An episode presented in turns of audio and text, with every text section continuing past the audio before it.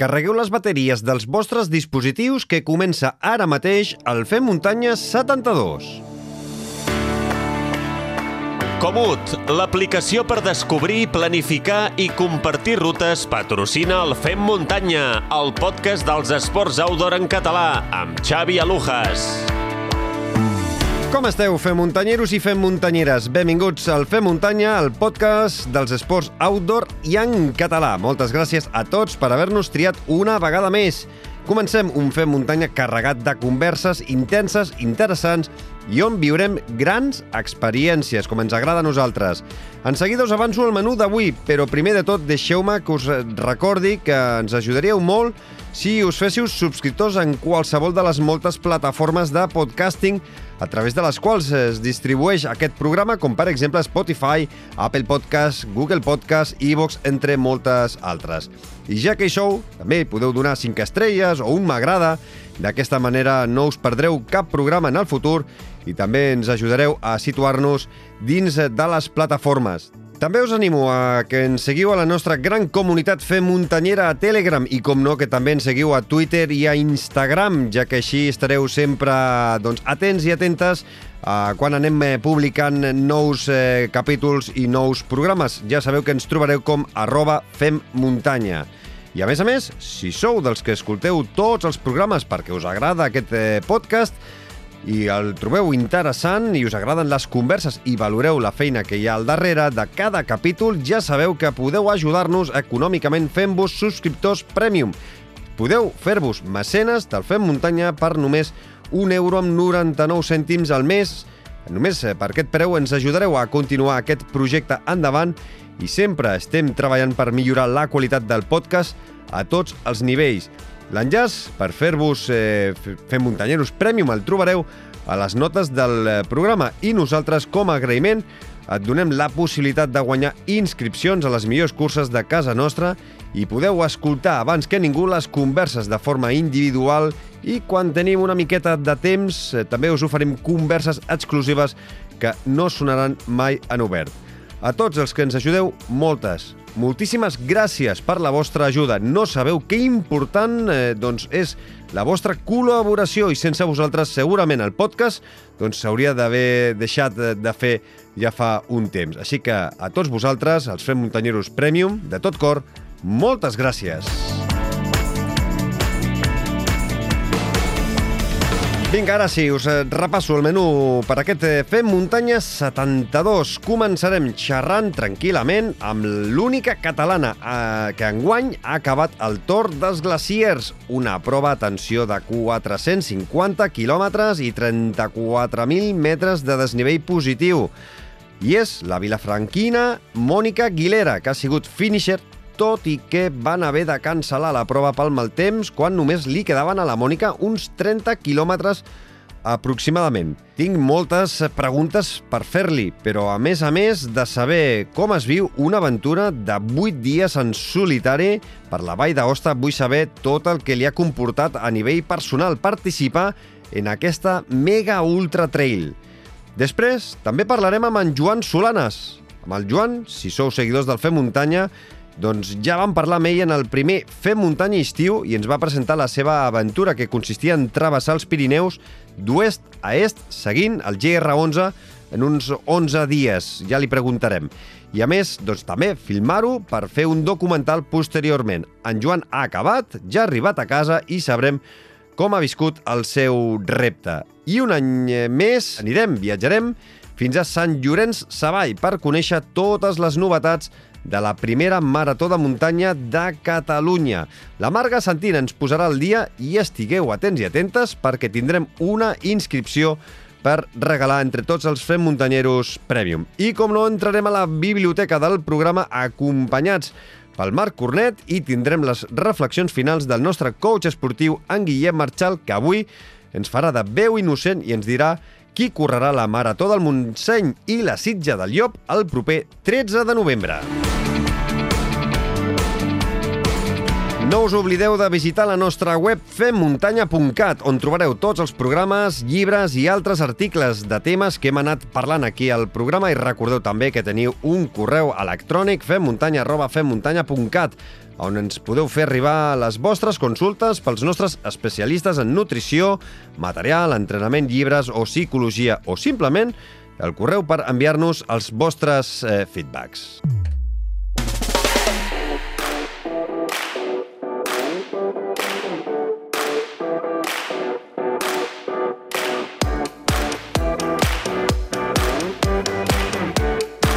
Seguida saludo la Mònica Aguilera, que de ben segur haurà utilitzat Comut per planificar qualsevol de les seves aventures. Però tots, abans de sortir a caminar, a córrer o sortir en bicicleta per la muntanya, podeu descobrir, planificar i compartir les rutes amb Comut. Perquè ara tots els usuaris de Comut poden buscar de forma gratuïta milers de recorreguts per tot Espanya en la secció Inspiració podreu filtrar els recorreguts en comut per tipus d'esport, duració i dificultat. Aquesta funció elimina, per exemple, la necessitat de planificar una ruta des de zero i ens inspira amb rutes plenes de contingut des de la porta de casa nostra i a punt per ser explorades. Les recomanacions de Comut són el resultat d'una tecnologia intel·ligent que analitza les rutes més populars i els punts destacats de la comunitat de Comut. I parlant de comunitat, si voleu trobar les rutes dels Fem Muntanyeros i Fem Muntanyeres, les trobareu a la col·lecció que hem creat. Trobareu l'enllaç a les notes del programa i al nostre perfil de Comut. A tot això, el que fa Comut és comparar molts valors com el tipus de camins, els eh, tipus d'activitats, els eh, punts destacats més rellevants i inclús imatges d'alta qualitat per crear recomanacions de rutes que fan que l'exploració sigui més rellevant i convenient. Descarregueu-vos Comut al vostre telèfon o entreu a comut.es. I ara sí que ja ho tenim tot a punt, així que ens lliguem les sabatilles i sortim, com sempre, a fer muntanya! Fem muntanya, l'esport outdoor en català.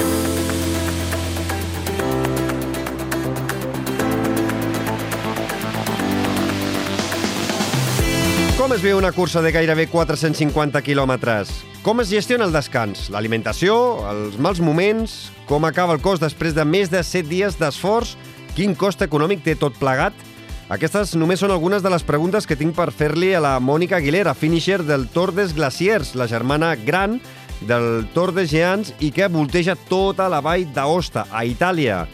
Mònica Aguilera, benvinguda al Fer Muntanya. Bones. Bueno, estic encantadíssim de poder parlar amb tu aquests minuts aquí al, al programa perquè, la veritat, he, he pogut anar fent un seguiment a través del grup de WhatsApp que, que vas crear, en la qual hi havia més de 300 persones, amics, coneguts eh, de Vilafranca, eh, i de, crec que d'arreu de Catalunya, eh, que t'hem anat fent un, un seguiment eh, exhaustiu gràcies eh, també a l'Albert, a la teva parella, i, i també el que anaves explicant, perquè has tingut temps de poder pujar vídeos i, i àudios.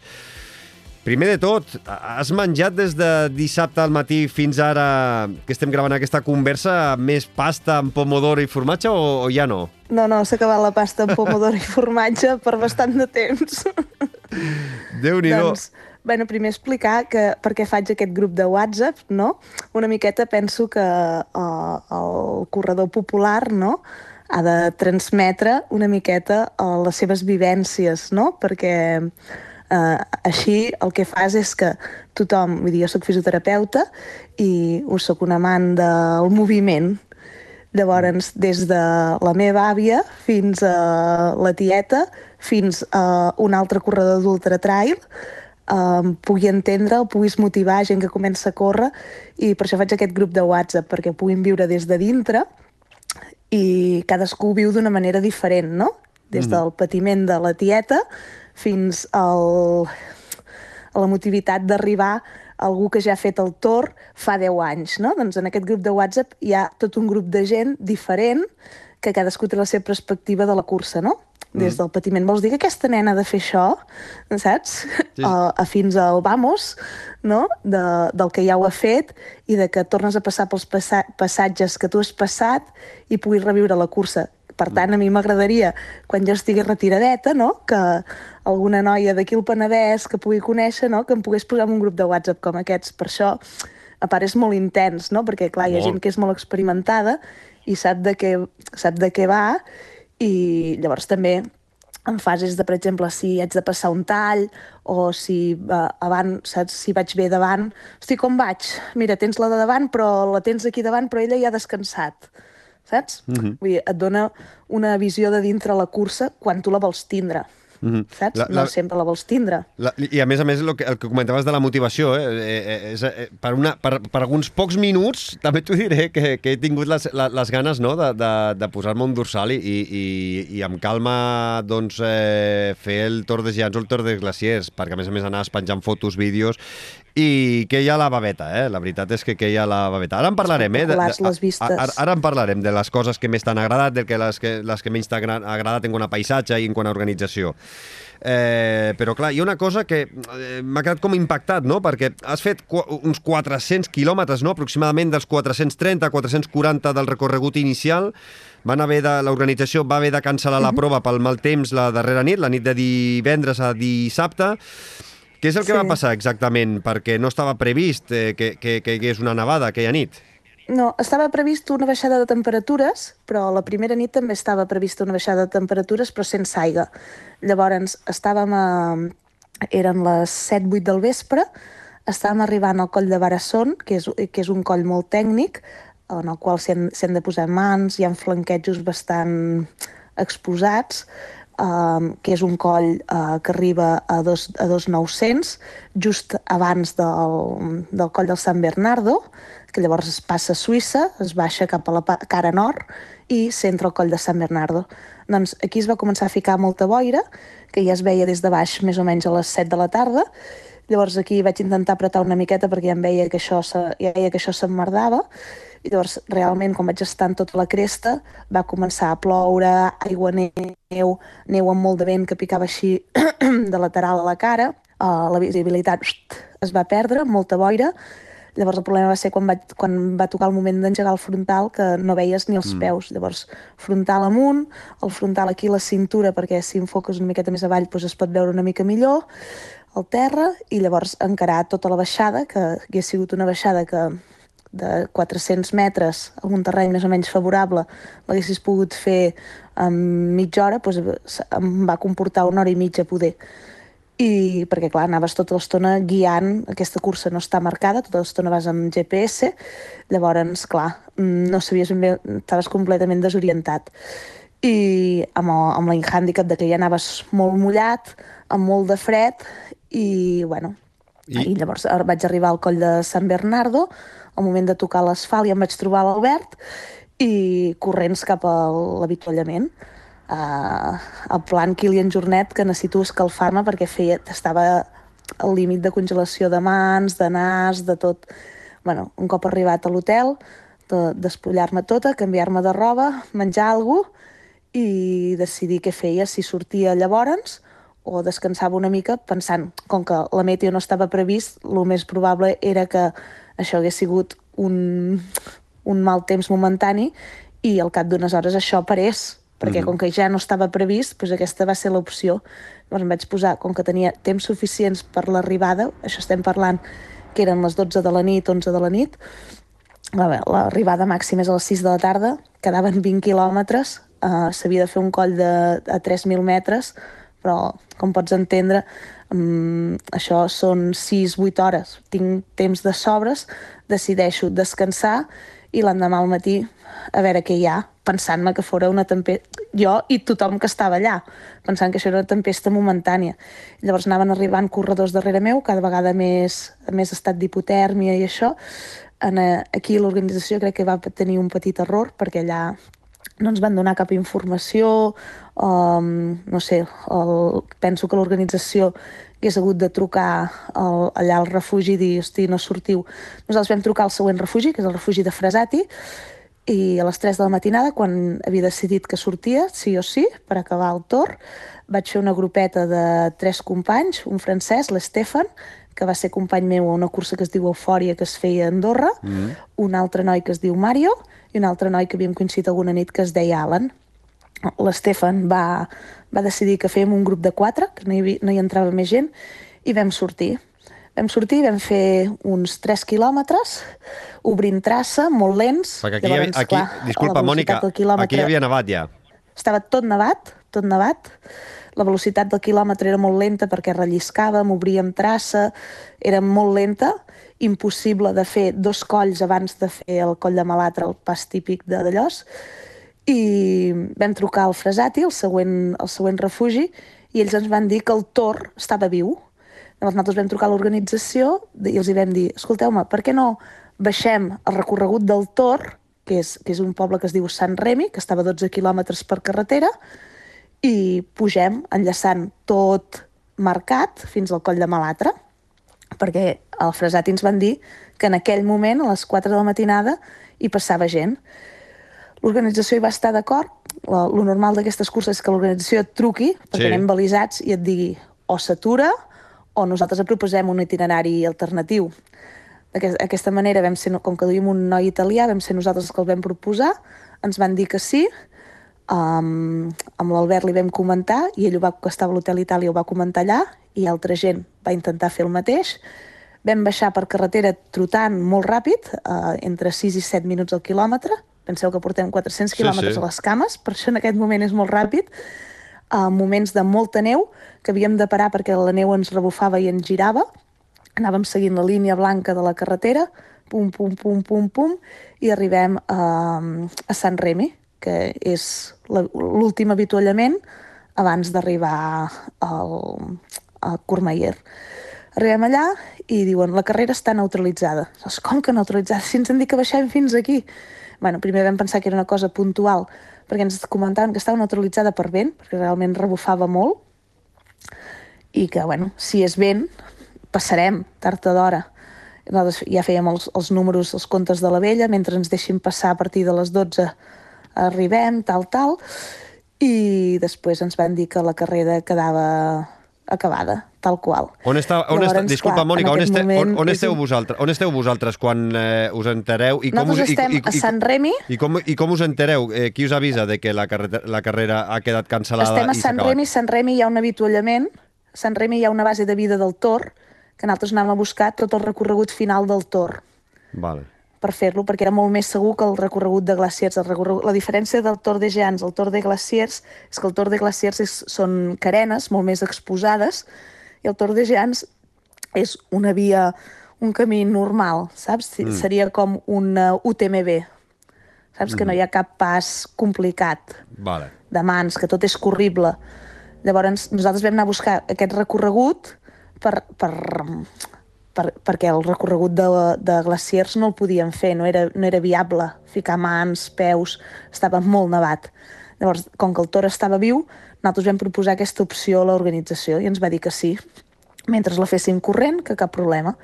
Llavors vam anar a Sant Remi i allà hi havia un avituallament i havíem de fitxar conforme estàvem allà. Entrem, fitxem, pst, i allà hi havia corredors del, del Tor del 330 i corredors del Tor de les 130 i bueno, ens van, primer ens van dir que ens neutralitzaven i després ens van dir que, que s'havia acabat la cursa. Llavors, clar, al primer moment, quan et diuen que s'ha acabat la cursa i tens el final tan a prop, la decepció és bestial, saps? Una, és una frustració que no, pots, no, no es pot explicar en aquell moment. És pell de gallina, és ràbia, és no pot ser, ho tinc a tocar i, i és que ho tenia perquè tinc les cames, ho tinc tot, saps per què m'ha passat això, no? Vas arribar a plorar? S'entén que contra les inclemències meteorològiques no s'hi pot fer res, però frustració total. Vas arribar a plorar, Mònica, o no? Molt, molt. Però no sé si vaig plorar de ràbia, no sé si vaig plorar de frustració, i Ràpidament ens van comentar que eren finishers, realment va, va durar mitja hora, eh? i ens va dir que ens donaven per finishers. Però mm. aquella mitja hora, saps, una angoixa, vull dir que es pensa que per fer aquesta cursa porto un treball real de 3 anys en el territori, um, saps, volia fer-la bé, un treball d'entrenament... Hosti, és que... Ara, dius... Ara en parlarem I, del, del que t'ha costat. motiu, perquè Ara, ara parlarem del que t'ha costat arribar-hi a la, a la, en tema d'entrenament i en el tema de, de què és el que et demana l'organització per poder fer el Tour dels Glaciers, eh? Però eh, t'has quedat amb alguna... És a dir, amb ganes de tornar a repetir l'any que ve i dic "Mm, vull acabar-la sí o sí, vull fer tot el recorregut o mm, dones per tancat el capítol del Tour des Glaciers i, i si t'han dit que ets eh, finisher, doncs ets finisher i ja està. Soc, estic contenta d'haver set finisher, estic contenta, he fet les paus perquè he pujat un podi, fet, el fet de fer cinquena, o sigui, això és, és viure un somni que ni, ni, ni, ni en els més millors dels somnis em pensava que jo poguera estar allà. Vull dir, pensa que abans que, abans que jo entrés a córrer al Tour de Glaciers només havien acabat quatre noies i una era la mateixa. O sigui, tres dones havien acabat amb quatre edicions i aquesta edició n'han acabat cinc.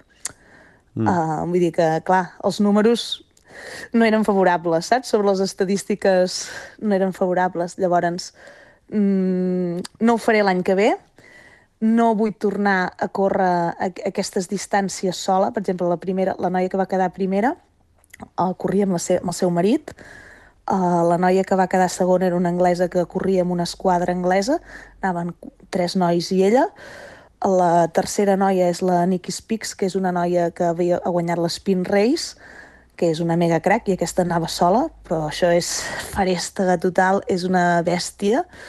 I la quarta noia és una noia italiana que també anava amb una esquadra italiana. Vull dir, ella deia, jo dormo mitja hora i els quatre nois estaven allà fent el cafè fins que ella decidia i marxava. Pensa, i jo, i jo cinquena que anava sola. Evidentment que tenia la, la companyia de l'Albert en els preavituallaments, saps? Vull dir, em venia a buscar dos, tres quilòmetres abans de l'avituallament, m'acompanyava dos, tres, i tenia l'esperança de trobar algú. Realment no anava sola.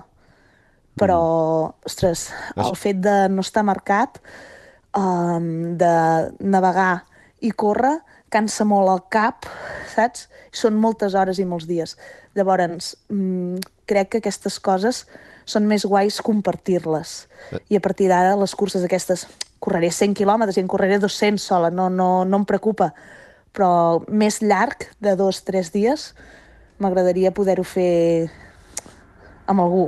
Això vol dir que si... Saps? En equip, perquè llavors muntes- Això vol dir que l'any que ve, si tornes, eh, ho faràs eh, doncs amb l'Albert o, o algun altre acompanyant que et pugui acompanyar durant eh, tot el Tour des Glaciers? Sí, la, en principi l'objectiu de l'any que ve ja és la PTL, ja és fer-ho en equip, amb el qual ho faré amb, amb l'Albert i un altre company que es diu Miquel Pera, que ells han fet parella en Eufòria i ara m'han volgut afegir a mi i bueno, pues que estic molt contenta i després si això surt bé, pues, altres aventures. Uh -huh. Miquel Pere, que l'hem tingut aquí al, al Fem Muntanya. Uh, doncs, uh, el, a veure, clar, uh, per, per, per mi, com a mínim, ets, ets finisher, eh, tot i que no hagis eh, creuat eh, la línia d'arribada físicament, sí que tens la foto a la, a la, a la línia d'arribada, eh, que l'hem pogut veure i que compartirem amb els nostres eh, fem muntanyeros i fem muntanyeres, però, clar, sempre et queda no, el, el, el regust, dius, de, de saber de fet, que... jo vaig, vaig, vaig voler fer el Tour de, de Glaciers perquè quan vaig, vaig fer el, el Tour de Jans l'any que feien 10 anys de, del Tour, en el qual l'havien convidat a les 10 noies que havien guanyat el Tour. I vaig fer un molt bon paper, penso personalment, vull dir, vaig, vaig fer top 10, a venir tot aquests, totes aquestes noies davant, vull dir que vaig fer molt bé, però els quatre últims quilòmetres em vaig adormir i, em- i vaig caure i em vaig fer mal la cama. Res, un dolor momentani comparat amb tot el que comporta el Tour de Glaciers, ai, el Tour de Jans. Però vaig arribar a mig coixa a la meta, enfadada, i no la vaig gaudir, saps? Mm -hmm. Estava enfadada, tenia dolor. I llavors vaig dir, ostres, haig de passar per aquest arc contenta i feliç, saps? I, I aquest era i l'any. fent-ho més gran. I com que ja ho havia fet molt bé el Tour de Jans, vaig dir, pues, pam, tu pam, fem el Tour de Glaciers. Mm. I per Covid i històries, pues, l'any passat no va poder ser i aquest any pues, m'he m'he tirat a la piscina. Doncs eh, t'anirem seguint si tornes al Tour de Glaciers i si no, doncs a la, a la, a la PTL. Escolta, eh, fa menys de tres dies que, que has acabat. Eh, com estan les cames? Eh, com estan els peus? Com estàs tu físicament? Estàs cansada, esgotada? I sobretot també com estàs eh, mentalment? Mentalment estic molt lenta. Uh, no resolc bé els problemes encara, penso que són moltes hores sense dormir i, i tu t'ho notes que no vas àgil de ment. De cos més bé del que esperava, a nivell muscular, de cames, molt bé, molt bé, realment podria tornar a sortir a córrer demà. I, i els peus, pues, realment eh, faig un tractament amb, amb una marca que es diu Six Pro, que em va molt bé, que és un tractament que faig 15 dies abans de, de la cursa i en cursa cada 50 quilòmetres em canviava més o menys, eh? em canviava els mitjons, m'aplicava la crema i això.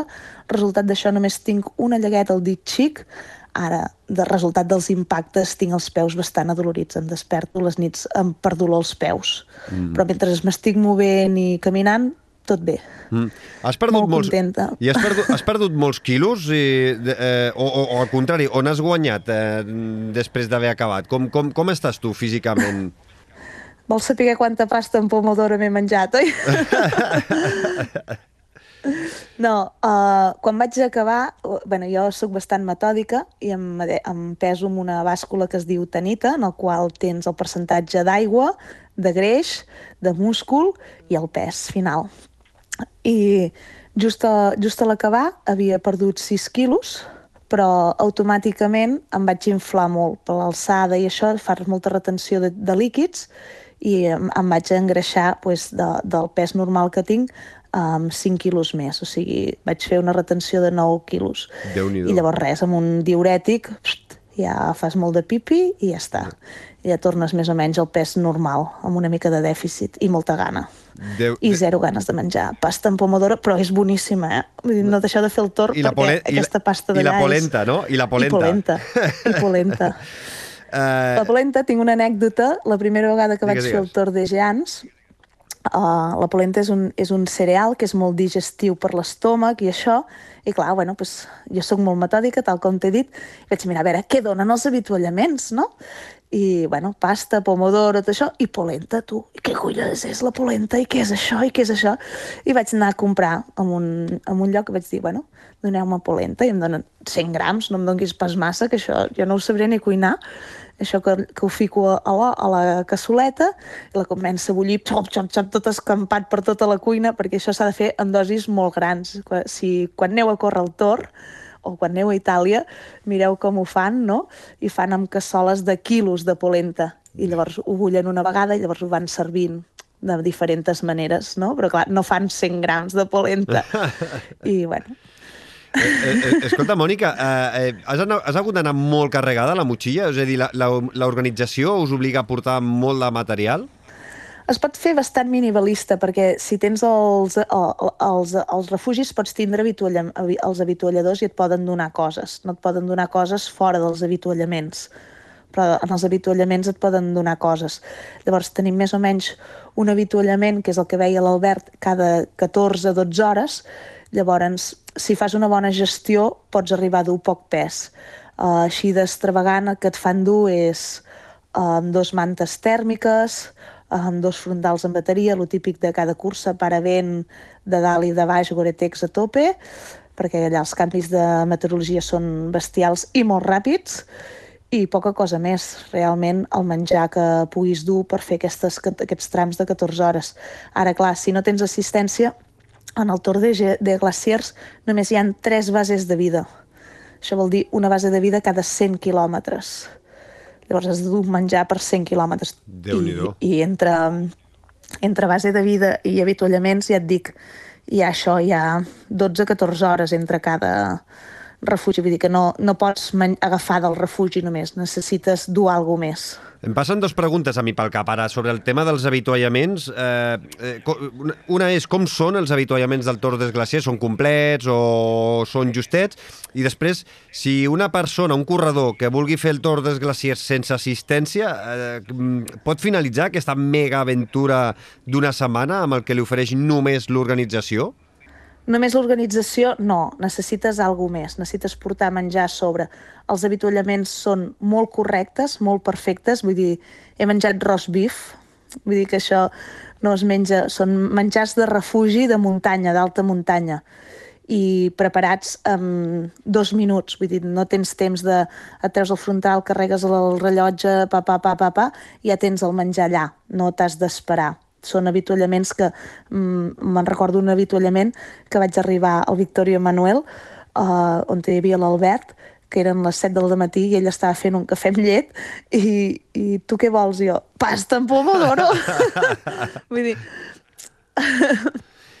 és que ho necessites, saps? Tens, pots repetir tantes vegades com vulguis, però són perquè entenguis si, si heu fet alpinisme, és el típic mm, sopar de refugi, que pots menjar sopa, pasta, no sé què, t'has de, has de controlar, perquè clar, tampoc no pots barrejar, fer un àpat molt fort. Mm. Pots menjar dos vegades pasta, si vols, i després descanses i surts, o pasta i surts, perquè si no l'estómac tampoc està mm. molt cansat de treballar i de córrer.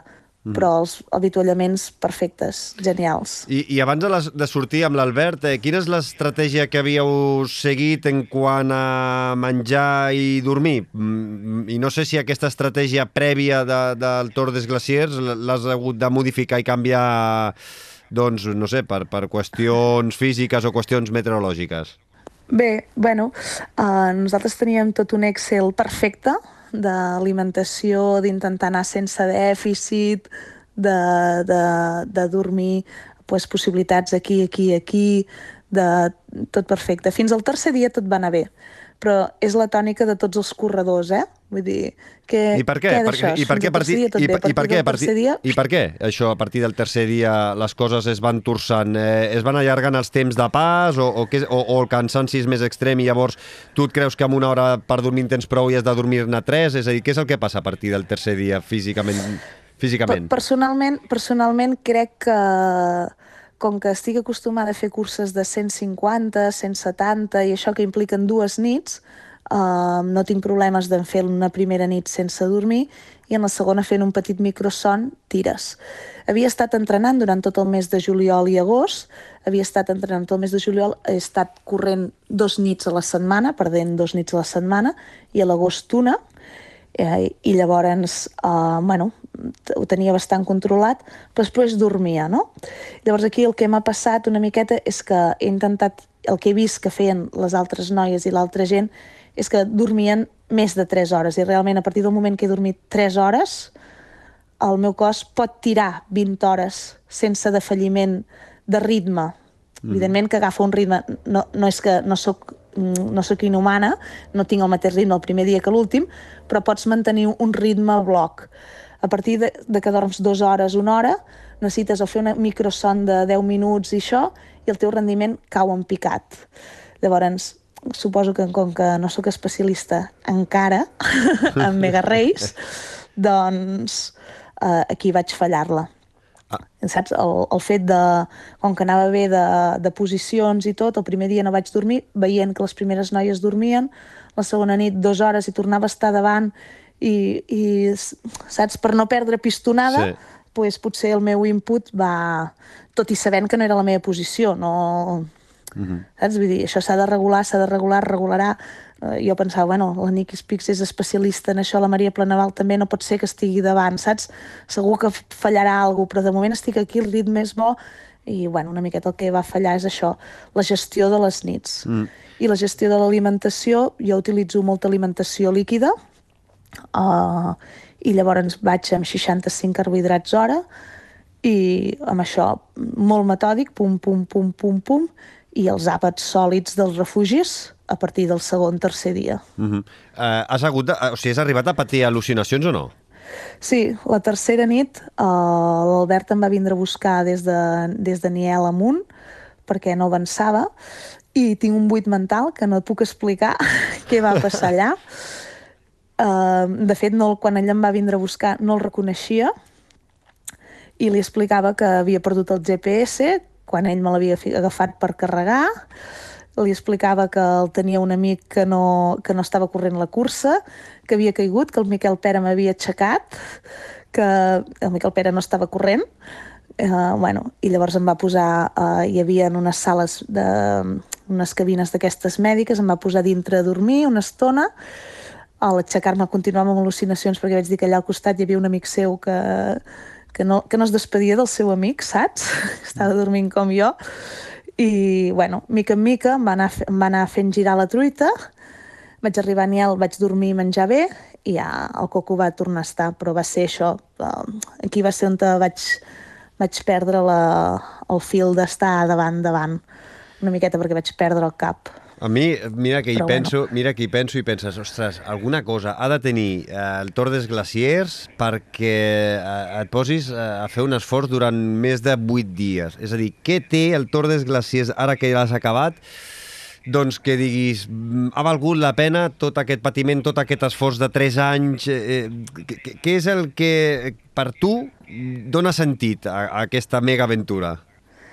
Dóna sentit a aquesta meva aventura tot el treball, totes les coneixences d'amics italians, de gent que m'ha acompanyat en ruta allà, dona la pena, sobretot, sobretot, sobretot, cada vespre, quan es fa de nit, les imatges que tens de les geleres, uh, la lluna plena, que ja intenten que coincideixi amb la lluna, i cada vespre, quan te'n vas a dormir, a l'arribada d'aquest coll, uh, ja és un punt màgic, no? I també una miqueta l'interioritzar, no? L'estar sol allà, el silenci que hi ha, uh, saps?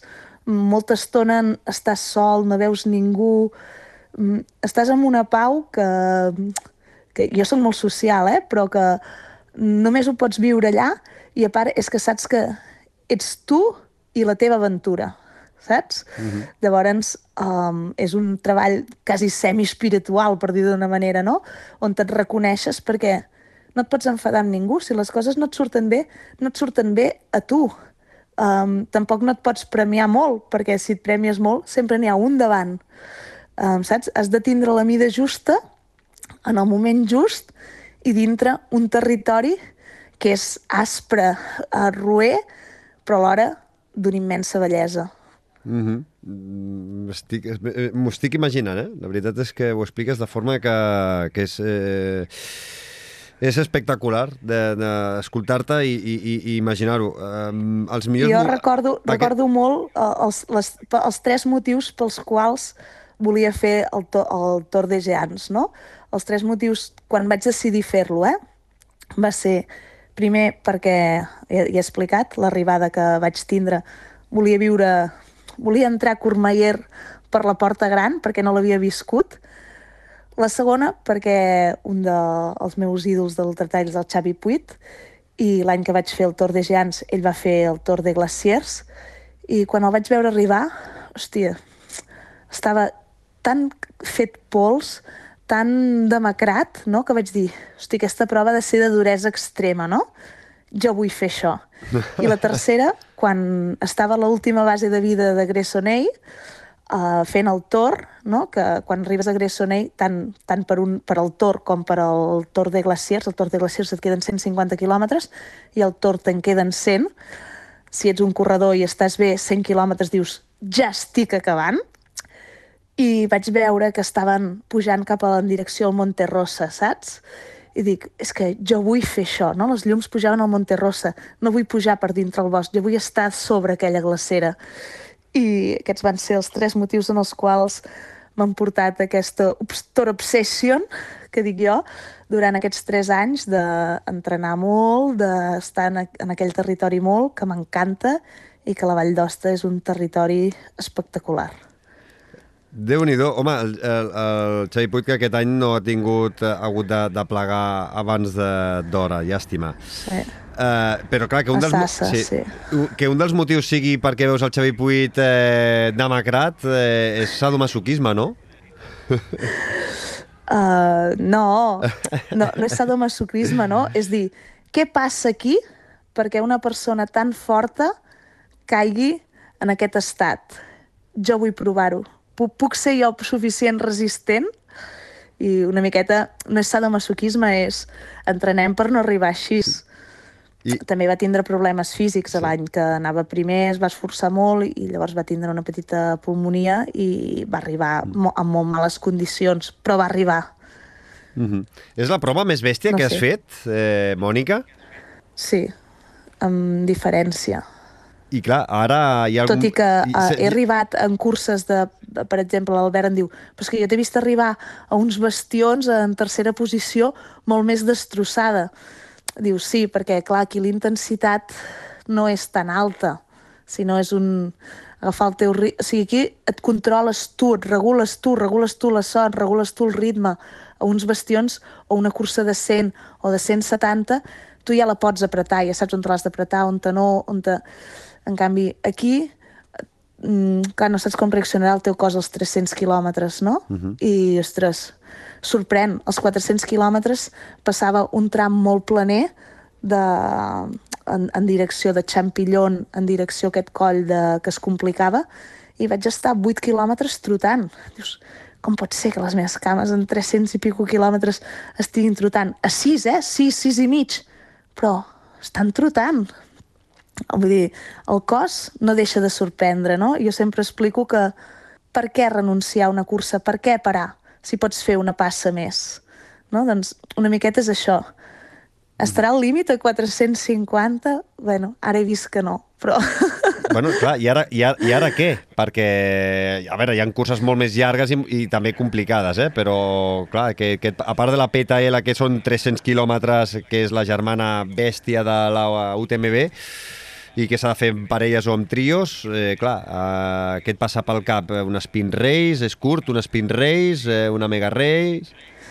Probablement, probablement eh, et tiraré cap a l'Spin Race a provar a veure si puc seguir els passos de l'Eugeni.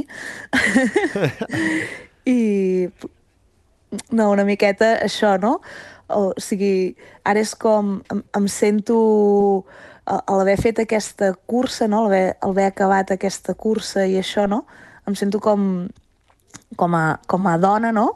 Uh, més propera a aquesta gent, evidentment, amb molta diferència de, de, de tota aquesta gent, perquè el fet de ser dona no podem tenir aquests resultats, però em sento més propera i que puc treure en rendiment i llavors doncs, pues, m'atreveixo a poder fer alguna cosa més enllà, no? I un spin race crec que pot ser una bona cursa, perquè també em dedico molt a l'esquí de muntanya i això, vull dir que el fred no em preocupa massa i, bueno... Mm -hmm. Tinc un parell o tres de temes que, que espe espero no, no, no, no allargar-me gaire més, eh? però clar, tinc alguns temes ja potser més, més tècnics de, del Tor des Glaciers. Eh? Per apuntar-te al Tor des Glaciers, eh, quina experiència és la que et demanen eh, prèviament?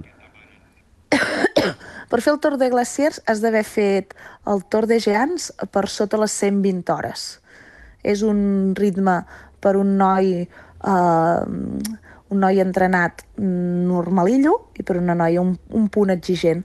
Pensa que el Tor de Geants és, eh, per la gent de la Vall d'Osta, eh, és com el repte de la seva vida. Hi ha gent que ho va fer molt bé de temps, com una Sílvia Triguero, com un Albert Pérez, com uh, el Xavi Puig en el seu moment, i hi ha gent que va viure la seva aventura, ja tens suficient per fer-ho tot caminant, um, saps? És una aventura com el que va fer aquí uh, el Camino de Santiago, sí, sí. i ho fan en equip, ho fan pare i fill, ho fan marit i muller, i llavors uh, aquesta gent no entra al Tor de Glaciers.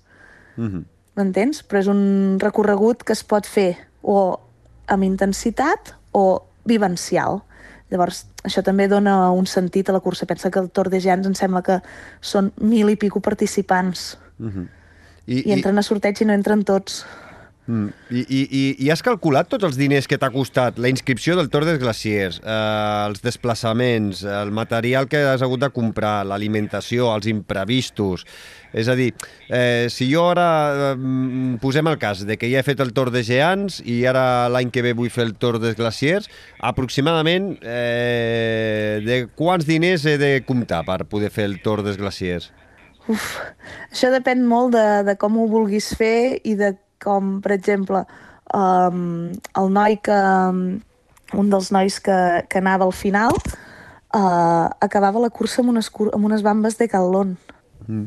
No sé, el, els diners és variable, vull dir, és molt variable. Un viatge als Alps, nosaltres anem amb la furgoneta i anar, anar i tornar als Alps um, són 250 euros amb benzina mm. i dormim allà i mengem allà, vull dir que em permet fer varis viatges. Um, llavors, la, la inscripció no et puc dir quan, quan costa, perquè uh, a mi me, me la van subvencionar a Ferrino, uh, perquè vaig entrar en un programa de, de Women's Team Ferrino fa 3 anys, i Ferrino patrocinava el Tor i Ferrino ho porta una senyora que es diu Anna Ferrino i volia patrocinar més la part femenina. I llavors eh, jo quan vaig arribar vaig dir érem 10 noies, una americana, amb dues franceses, dues catalanes, i jo quan vaig arribar li vaig dir Anna, yo quiero hacer glaciers. I ella em va dir, ah, valen. I jo, en sèrio? Bueno, ho vaig dir així com que sóc tan espontànies. És que en veritat, en veritat vaig arribar dient això, saps? I em va dir, ah, valen. I jo, ah, vale. Merda, I, i, i ara endavant. sé fer glaciers. I, i, I endavant. I endavant. Llavors, la inscripció no et puc dir quan, quin cost té, però sí que això, Mhm. el, els viatges a aquest cost, i llavors d'alimentació, com que jo tinc unes pautes d'alimentació així molt, molt, molt forçades i tinc un centre de fisioteràpia en el qual la nutricionista que tinc és la que em porta i eh, venem part d'aquests productes, i jo ja tinc l'Excel fet allà. I l'alimentació en cursa, tot i que no me la vaig acabar tota, val el mateix que un dinar al Ferran Adrià. El Bulli, Déu-n'hi-do, Déu-n'hi-do, no, no, Déu-n'hi-do. 400 euros, sí. sí. aproximadament, perquè el material ha de ser bo. No pots anar amb qualsevol salts, entenc, amb aquestes mm. coses, saps? Has d'anar... Ja que vas a lo top, penso que has d'anar amb lo top. Mm. Quantes sabatilles has, has fet servir eh, durant eh, aquesta setmana, durant aquests vuit dies? Porta, portava, portava 8 parells i n'he fet servir 4. He fet servir unes... He cor... Jo sempre corro amb Hoka, normal... bueno, sempre les coses llargues les corro amb Hoka, i vaig sortir amb unes Hoka Mafate, perquè el primer, recorre... el primer tram hi ha molta, molta pista de baixada. Uh, al quilòmetre 50 vaig canviar mitjons i bambes, i vaig anar amb alguna mica més tècnic i ràpid, les Speed Goat, uh -huh. amb sola ressolada perquè estava molt mullat, una sola ressolada Vibram. Després, als 50 quilòmetres, vaig tornar a canviar unes altres Speed Goat normals, sense, so sense sola ressolada. Uh, vaig tornar a ficar les Mafate, les Speed Goes vaig anar alternant cada 50-100 quilòmetres i l'últim tram, el Veri Neu, vaig anar amb unes Speed Goat Gore-Tex. Mm -hmm. És interessant, jo crec que això a la gent, als malalts del material, eh, li interessarà perquè hi ha molt malalt de sabatilles i, clar, és el dubte, no? Ostres, per fer tants quilòmetres i, i tantes hores, doncs eh, com, com, és, com, I et dic, doncs, com aquestes calces, Mega? Race, la, normalment les, les Hoka, la marca Hoka és la, la marca estrella. Vull Mhm. dir, és el que més es veia. Es veia algunes Hoka Torrents, les Speed Goat i les Mafate, el que més es veien. Mhm. Passa que això, les Mafate li falta una mica de, de tacte, en els, hi ha parts molt tècniques, mm, hi ha vari, diversos passos ferrats i això, les Mafate són massa toves per això. Mhm. Però clar, les articulacions ho agraeixen. I ara que parlaves eh, de, de les eh, vies ferrates, eh, com es porta això de fer una via ferrata després de gairebé 300 quilòmetres? Perquè em sembla a mi que eh, vas maleir una miqueta eh, a l'organització. Bueno, cada més o menys cada 100 quilòmetres fiquen un pas ferrat. I el pas ferrat més exposat és un pas que es diu el pas de Gran Neiron, que més o menys es posa al quilòmetre 150. O sigui, el cansament ja és important i tal. I, bueno, eh, ells et diuen que allà hi ha guies i que llavors allà no hi ha ni Déu. I, bueno, és un pas molt exposat que jo crec que s'hauria de, posar, de fer amb dissipador, al mínim. Mm. Més que res perquè vas molt cansat. En aquell moment vaig pensar molt en aquell personatge de la PTL que es va matar aquest any, Sí. Perquè és molt exposat. I després les altres vies ferrates, tot i ser exposades, no, són, no són tan bèsties, no tens tanta sensació de buit. Mm -hmm. I acabo ja, Mònica, va. I clar, ja- el cansament et fa tenir menys seguretat. Mm, eh, ja no et robo més temps que portem eh, gairebé tres quarts d'hora xerrant i, i clar, podríem estar aquí estona i estona i estona. Uh, clar, portes tres anys preparant el, el Tour des Glaciers. Eh, quina ha sigut una miqueta, perquè la gent es faci una miqueta la idea, jo també, eh, el, la, el teu pilar d'entrenament, és a dir, quantes hores aproximadament eh, doncs has entrenat aquests darrers mesos per arribar en les millors condicions físiques sense passar-te i no arribar lesionada, i una miqueta com, com, quins són els teus pilars de- d'entrenament? És a dir, més, eh, moltes hores, poc, molt volum, poca intensitat, molt gimnàs per força, és a dir, com, com, com, com, com ho has fet per arribar en aquestes condicions tan bones al Tor des Glaciers? Um, jo tinc un entrenador que es diu Ivan Artigas, que havia corregut abans moltes curses de muntanya i ja porto 300 setmanes d'entrenament amb ell, sense zero lesions, a part de les típiques que poden passar una rotureta al bessó, un esguins de turmell, això so, són coses que si, si et quedes al sofà no passen, però en passen d'altres.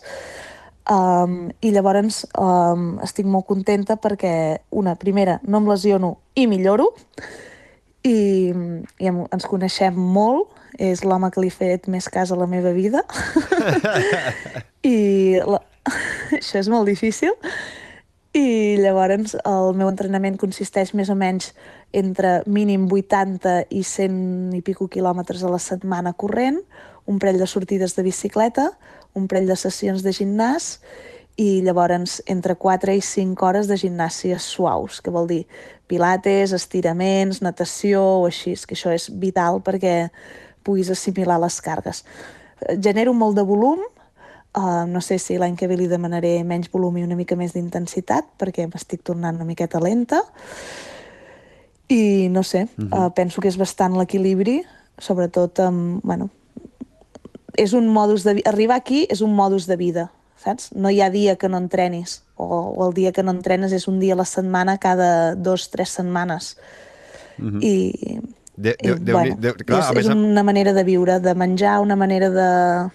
Fas d'això una manera de viure. a, a més a més, ets mare, eh, si no vaig equivocat, tens dos crios, ja ara més grans, eh, però clar, com... Bueno, però ja són grans, eh? Sí. els crios tenen 17 i 18 anys, eh? I- i I, com- estic com- en una altra fase. Com, com, com tu fas per tirar tot endavant la, la clínica, la, la, la casa, els entrenaments... Eh, és a dir, eh, d'on treus la, les hores? Perquè... És, eh, Dormim pa- poc, Dormim, dormim poc. poc, que és la clau. Dormim poc. Déu-n'hi-do, Déu-n'hi-do. Però, Doncs, I també fent un passió, saps? O sigui, a mi m'agrada fer això, no, no és una obligació fer-ho.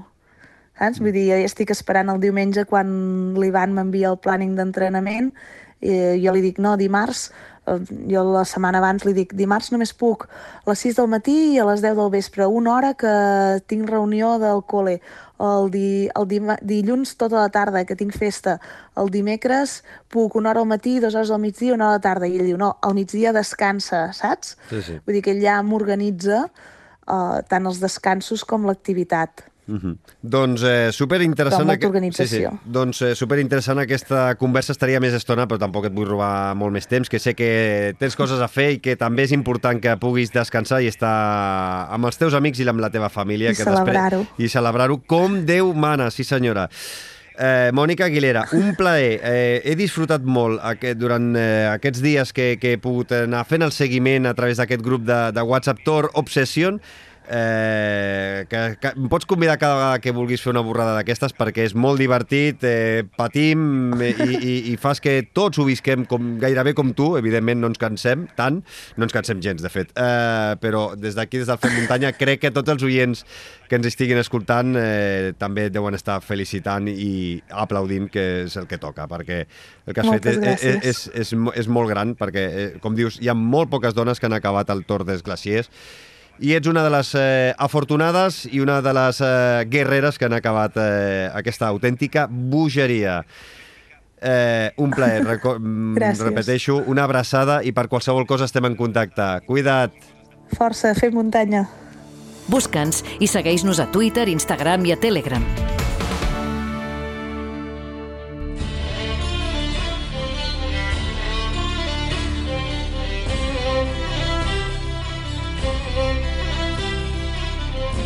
Tres minuts para la sortida, tres minutos para la salida, three minutes to go.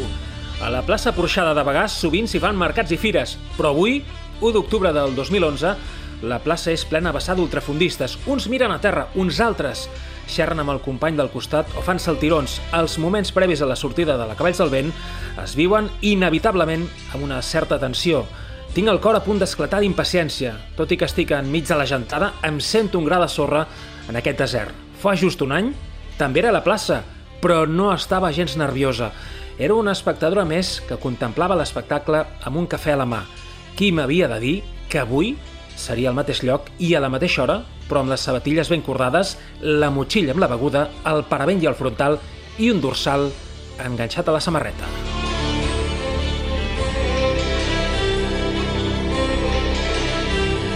Marc Cornet, com estàs? Bona, Xavi, després de llegir aquest fragment del llibre d'avui, doncs la veritat és que estic amb la pell de gallina, eh? Ja en som dos, fet... ja en som sí, dos. Eh? Estic segur, eh? Ens passa sempre que, que escoltem aquesta cançó, la banda sonora de l'últim dels Moicans. És difícil, per tant, no transportar-se a la mítica plaça Porxada de Bagà i a la sortida més especial que hi ha, al meu entendre. Eh? Aquí tots són eh, gustos d'una cursa de muntanya. En aquest cas estem parlant, ja ho sabeu, l'antiga Cavalls del Vent, l'actual Salomon Ultrapirineu. Totalment d'acord, eh, Marc, eh? perquè crec que tots hem començat igual, eh, mirant-la no? alguna vegada doncs, per streaming, estan eh, com a públic i, i eh, a cap de poc temps eh, doncs, eh, ens trobem a la plaça de la Porxada i compartim aquest sentiment. Una de les curses, com dius, més mítiques, si no la que més, del panorama mundial de les curses per muntanya i avui ens portes un llibre molt relacionat precisament amb aquesta cursa i amb la gran notícia que hem tingut aquesta mateixa setmana, el retorn de la, a l'alta competició de la Núria Piques tres anys després. Així és, eh? quan vaig escoltar doncs, l'emoció de la Núria, declarar que gairebé 4 anys després tornaria a competir i que ho faria també en el jardí de casa, vaig tenir ben clar que el llibre del programa d'aquesta setmana només podia ser un, Corre per ser lliure, de l'atleta manresana. Tal i com ens has eh, narrat fa uns instants, es dona la casualitat que la Núria tornarà a la cursa que la va donar a conèixer, la Cavalls del Vent, i també serà 1 d'octubre, 11 anys després d'aquell simbòlic 2011, el que hem viscut aquests darrers dies és com un viatge en el temps que ens ha permès recordar els quatre triomfs, que es diu aviat, de la Núria a Bagà.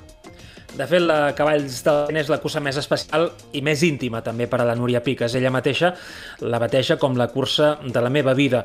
Diverses vegades eh, he tingut l'oportunitat de parlar-ne amb ella mateixa i és que coneix cada racó eh, d'aquests 100 quilòmetres i més de 6.600 metres que té de desnivell positiu al recorregut i el coneix com si fos el palmell de la seva pròpia mà. És com si ella mateixa hagués predit en certa manera el seu futur, no?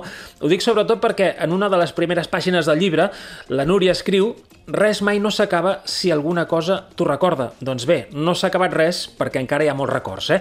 Com veiem, molts records i superar també una lesió important han dut a la Núria a adoptar aquesta decisió important decisió, bona decisió que compartim i avui, de fet, més cofois que mai, us acostem la setzena entrega del nostre muntanya de llibres, amb la Núria Piques com a protagonista. Avui recomanem Corre per ser lliure, de Club Edicions.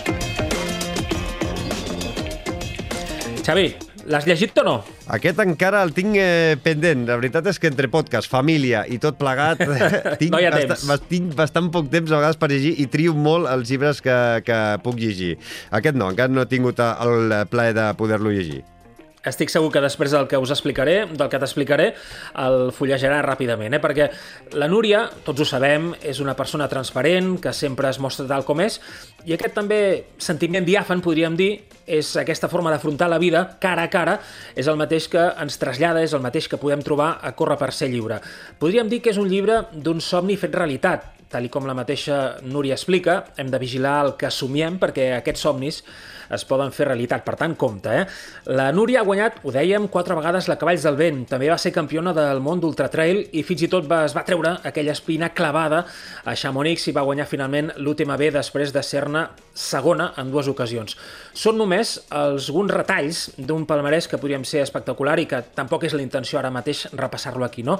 Però més enllà dels títols i de les copes, més enllà del que en el cas de la Núria eh, ella ha fet amb el què, em quedo amb el quelcom, amb el com, en definitiva, eh? perquè m'agrada com ha aconseguit les coses. Crec que sempre ha estat un referent i un exemple pel seu esforç i la seva capacitat de superació. I aquest esperit, en definitiva, és el que traspua en cada pàgina de Corre per ser lliure. Com una important caiguda escalant a la seva estimada Montserrat, doncs com aquesta caiguda li va canviar la vida ja fa molts anys i com també, arran d'aquesta caiguda, ha tingut molts problemes en un dels seus peus. Es va operar ara fa dos anys, el 2020, i sembla ser que està plenament recuperada, ho veurem a la Salomon Ultra Pirineu. Ella sempre ha superat tots els entrebancs que s'ha anat trobant i, sobretot, ho ha fet amb aquesta mirada cel, transparent, directa, sense fronteres. I tot això que ens expliques és el que ella mateixa relata en primera persona al llibre, no? Una història emotiva i emocionant que ens transporta a conèixer millor la Núria Piques en aquestes 250 pàgines de Corre per ser lliure. Perseverança i mentalitat positiva, dos conceptes també sempre molt lligats a la seva carrera esportiva i també personal. Així és, eh? perquè la Núria sempre ha estat una persona compromesa i que ha lluitat pel que ella volia.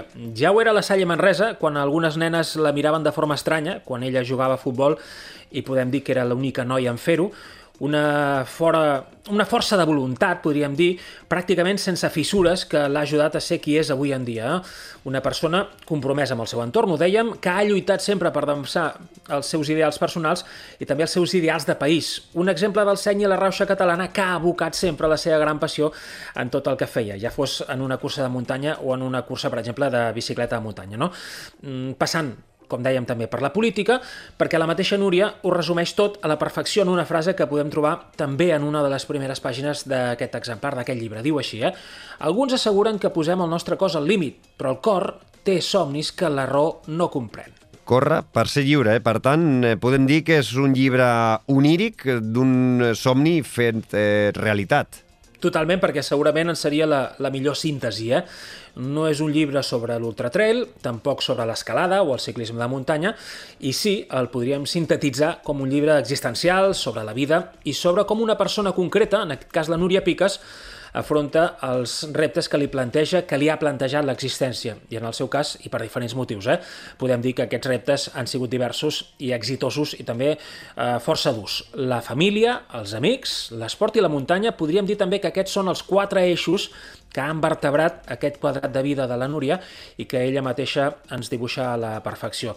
L'existència eh, et pot donar un cop de puny, fins i tot eh, et pot deixar cao, sense sentit, fins i tot també uns minuts damunt la lona, eh? però la Núria t'explica que t'has d'aixecar, que no hi ha elecció, que no pots lamentar-te pel cop que has rebut i, de fet, aquest mateix cop t'ajudarà també a ser més forta i a treure la millor versió de tu mateixa en el futur. Per això crec que aquest Corre per ser lliure, com dèiem, és un crit a la llibertat existencial. Doncs eh, fins aquí la nostra proposta del Muntanya de Llibres d'avui. Col·loquem eh, el Corre per ser lliures de Núria Piques en la nostra biblioteca i ja van 16 llibres. Marc, eh, alguna coseta més abans d'acomiadar-te i deixar-te lliure fins d'aquí 15 dies? Mira, Xavi, eh, em quedo amb la frase també que la mateixa Núria va fer servir per donar la notícia aquesta mateixa setmana. Eh? Va dir que l'èxit és poder sortir, poder ser a la línia de sortida de l'Ultra Pirineu el proper 1 d'octubre. Un mantra per a tots i les corredors populars, per a ells i per a elles, que crec que s'haurien de gravar eh, foc a la pell. No?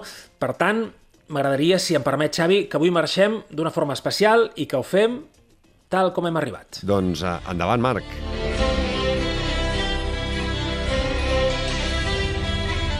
Un minut per a la sortida, un minut per a la salida, one minute to go. El director de la cursa anuncia que entrem en l'últim minut abans de la sortida. És un minut indescriptible.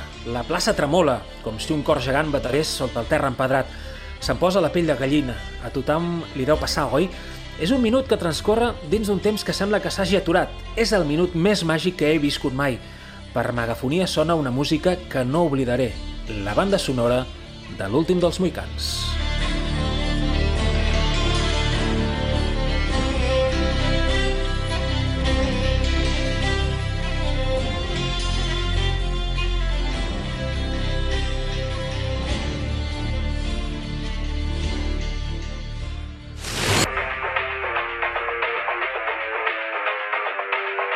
Fem muntanya, amb Xavi Alujas. Vam parlar amb el Joan Solanes en el primer Fem muntanya estiu i ja ens va explicar el seu projecte barra repte de creuar els eh, Pirineus d'oest a est seguint el GR11 i documentar-ho per poder fer un documental a través de la productora Zancada TV. Un cop finalitzat aquest repte, volem saber com l'ha viscut i que ens expliqui la seva gran aventura. Joan Solanes, benvingut de nou al Fem Muntanya. Hola, Xavi, bones. En el moment de que estem gravant aquesta conversa, fa pocs dies que, que has acabat, que, que has arribat a, a casa. Com estàs eh, físicament? Perquè han sigut uns quants dies. Doncs sí, sí, sí, mira, justament vaig acabar fa dos dies. És a dir, ara mateix, ara mateix et diria 48 hores que vaig arribar al Cap de Creus, més o menys. I les cames? Les cames, les cames se'n recorden, se'n recorden encara bastant, sí. Eh, clar, eh, el fet és que eh, has, has travessat tot el Pirineu, però sí que, evidentment, a, a, a, a un ritme més, més suau, no, no un ritme de, de cursa, però clar, eh, tants dies seguits, eh, el cansanci acumulat, eh, venen ganes ara de tornar-te a posar sabatilles i, i sortir a córrer, o ara, de moment, eh, ni t'ho planteges? Hòstia, doncs realment ara Mira, mira que ja ha sigut posar els peus a Barcelona i, i rebre alguns missatges de «Ostres, anem a córrer per Collserola una estona?» He dit «No, no, no, no. A mi aquest, durant aquests primers mesos no m'hi trobareu. Sí que aniré fent algunes sortides suaus, però vaja, no, ara no pretenc preparar-me cap prova ni cap història. Sobretot el que faré molt és agafar la bicicleta, que també m'agrada, i no hi ha gaire impacte, que ja suficient impacte he tingut durant aquests 11 dies. Mm -hmm. 11 dies, eh, que són alguns més, eh, mentre vas, des de que vau marxar de, de, de Barcelona fins al País Basc, mm. eh, després també del Cap de Creus, eh, la tornada a Barcelona, han sigut que 13-14 dies, que has trobat a faltar doncs, dormir al teu llit? Ostres, mira, és que el tema de dormir ha sigut un tema, eh, curiós, perquè realment... Per què? No, no, ostres, no ho he fet el càlcul, eh, però no sé quan he dormit, perquè entre el menjar, el recuperar post-etapa, a l'esmorzar, ja les estones de dormir que em quedaven eren... Si me'n recordo que ens anàvem a dormir normalment a les 11 i ens llevàvem cap a les 4, més o menys. Era, clar, al anar a un ritme tan, tan lent, perquè al final, que no s'oblidi la cosa, eh? o sigui, havia de córrer. Sí o sí havia de córrer, perquè per fer 840 quilòmetres en 11 dies, per si molt ràpid que caminis no, no ho faràs, has de córrer sí o sí.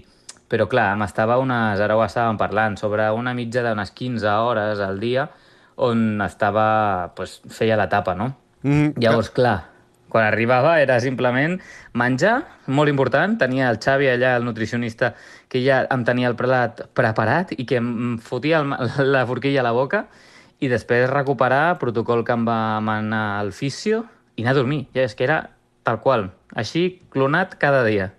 Clar, perquè ara, ara estava pensant jo, el, el teu dia a dia t'aixeques a les 4 del matí i a quina hora t'hi posaves? Normalment, clar, això també jo crec que va per zones, eh? El Pere i el Xavi, que eren els dos nois que m'acompanyaven, també potser per ells haguessin descansat una mica més. Jo necessito, si m'he de posar a córrer a fer exercici, necessito una miqueta d'antelació, necessito també passar pel lavabo, anar tranquil, i llavors vestir-me i amb tota la calma sortir. Perquè si no, jo no sóc d'aquells que s'aixequen i, i es fiquen la roba i pum, i surten. No, a mi això em costa molt. Llavors, clar, era això, m'aixecava sobre les 4 i mitja o així, més o menys, i sortíem, intentàvem sortir a les, abans de les 6, si podíem abans de les 6. Després, conforme anaven avançant els dies, ja t'explicaré, però bueno, van anar a venir algun, no problemes, però clar, havíem de reestructurar certes coses, llavors a vegades decidíem, doncs sortim una mica més tard, avui més tard, però demà una miqueta abans, llavors anàvem jugant amb això. Mm. Al final, eh, la, la, o sigui, el repte consistia en creuar de, de oest a est tot el Pirineu seguint el GR. Eh, exactament, mm -hmm. quin dia vas començar i quin dia has arribat al Cap de Creus? Doncs mira, vaig començar el diumenge 4 de setembre i vaig arribar el, el dimecres 14. És a dir, aquests són aquests eh, 11 dies. Mm -hmm. I, I quants quilòmetres exactes? Els tens calculats, els quilòmetres exactes que t'ha sortit segons el teu rellotge i el desnivell positiu tot sumat o no? Doncs sí, mira, just ara, aquesta tarda estava fent numerets i de fet ho acabo de publicar a l'Instagram. Eh, mira, t'ho dic ara mateix, que ho estava obrint. Em sembla que real són 838 quilòmetres i de desnivell uns 42.000 i pico. 42.000... Sí, no, 42.082, mira, ho tinc aquí davant. Déu... I també, com a altra dada, per si la vols saber, Sí. han sigut unes 158 hores i mitja d'activitat, diguéssim. Déu, de, Déu-n'hi-do. Déu-n'hi-do. Sí, sí. Déu-n'hi-do. Llavors, eh, aproximadament, això, eh, com, com, quants o sigui, quantes hores corries cada, cada dia i les etapes com les teníeu, com les teníeu organitzades? Doncs mira, de mitja, mm, més o menys eren unes, unes 15. Vale? Hi havia alguns dies que me'n vaig anar 17 i altres dies que eren més aviat 13, 12. 12 em sembla que gairebé ningú dia. Clar, les etapes jo les havia prefabricat aquí a Barcelona i bueno, m'havia assessorat una miqueta amb, amb l'Oriol Antolí, mm -hmm. amb altra gent que havia fet el, el GR, o proves d'aquest estil, no? Però realment, clar, també hi ha el factor una mica del terreny, no? O sigui, tu no... Jo he anat molt pels Pirineus, però clar, jo que sé, País Basc, ostres, no l'he tocat tant. Llavors, bueno, hi ha factors que no podies calcular massa. Després també, clar, s'ha de pensar en, la, en les hores del dia que estaràs, no? O sigui, potser per les tardes a mi se'm feia una miqueta més pesat perquè era... Feia la, en el punt intermig l'assistència, normalment, amb la furgoneta, menjava, mm -hmm. i llavors a partir d'allà, ostres, a vegades em costava una mica més perquè picava el sol, era la una, les dues, i buf, aquella part se'm feia més lenta. I eren coses que potser sí que tens en compte, però no tant tant com després acabava repercutint i deia, ostres, doncs aquesta part m'ha lentit molt més per això. O en altres casos, doncs perquè se pensava que no fos tan tècnic o tan poc corredor, i per exemple a la Garrotxa, ostres, em, em vaig tenim, vaig fer un suplici allò. Em va costar, em relliscava amb les pedres, havia plogut el dia abans, tot eren fulles, arrels...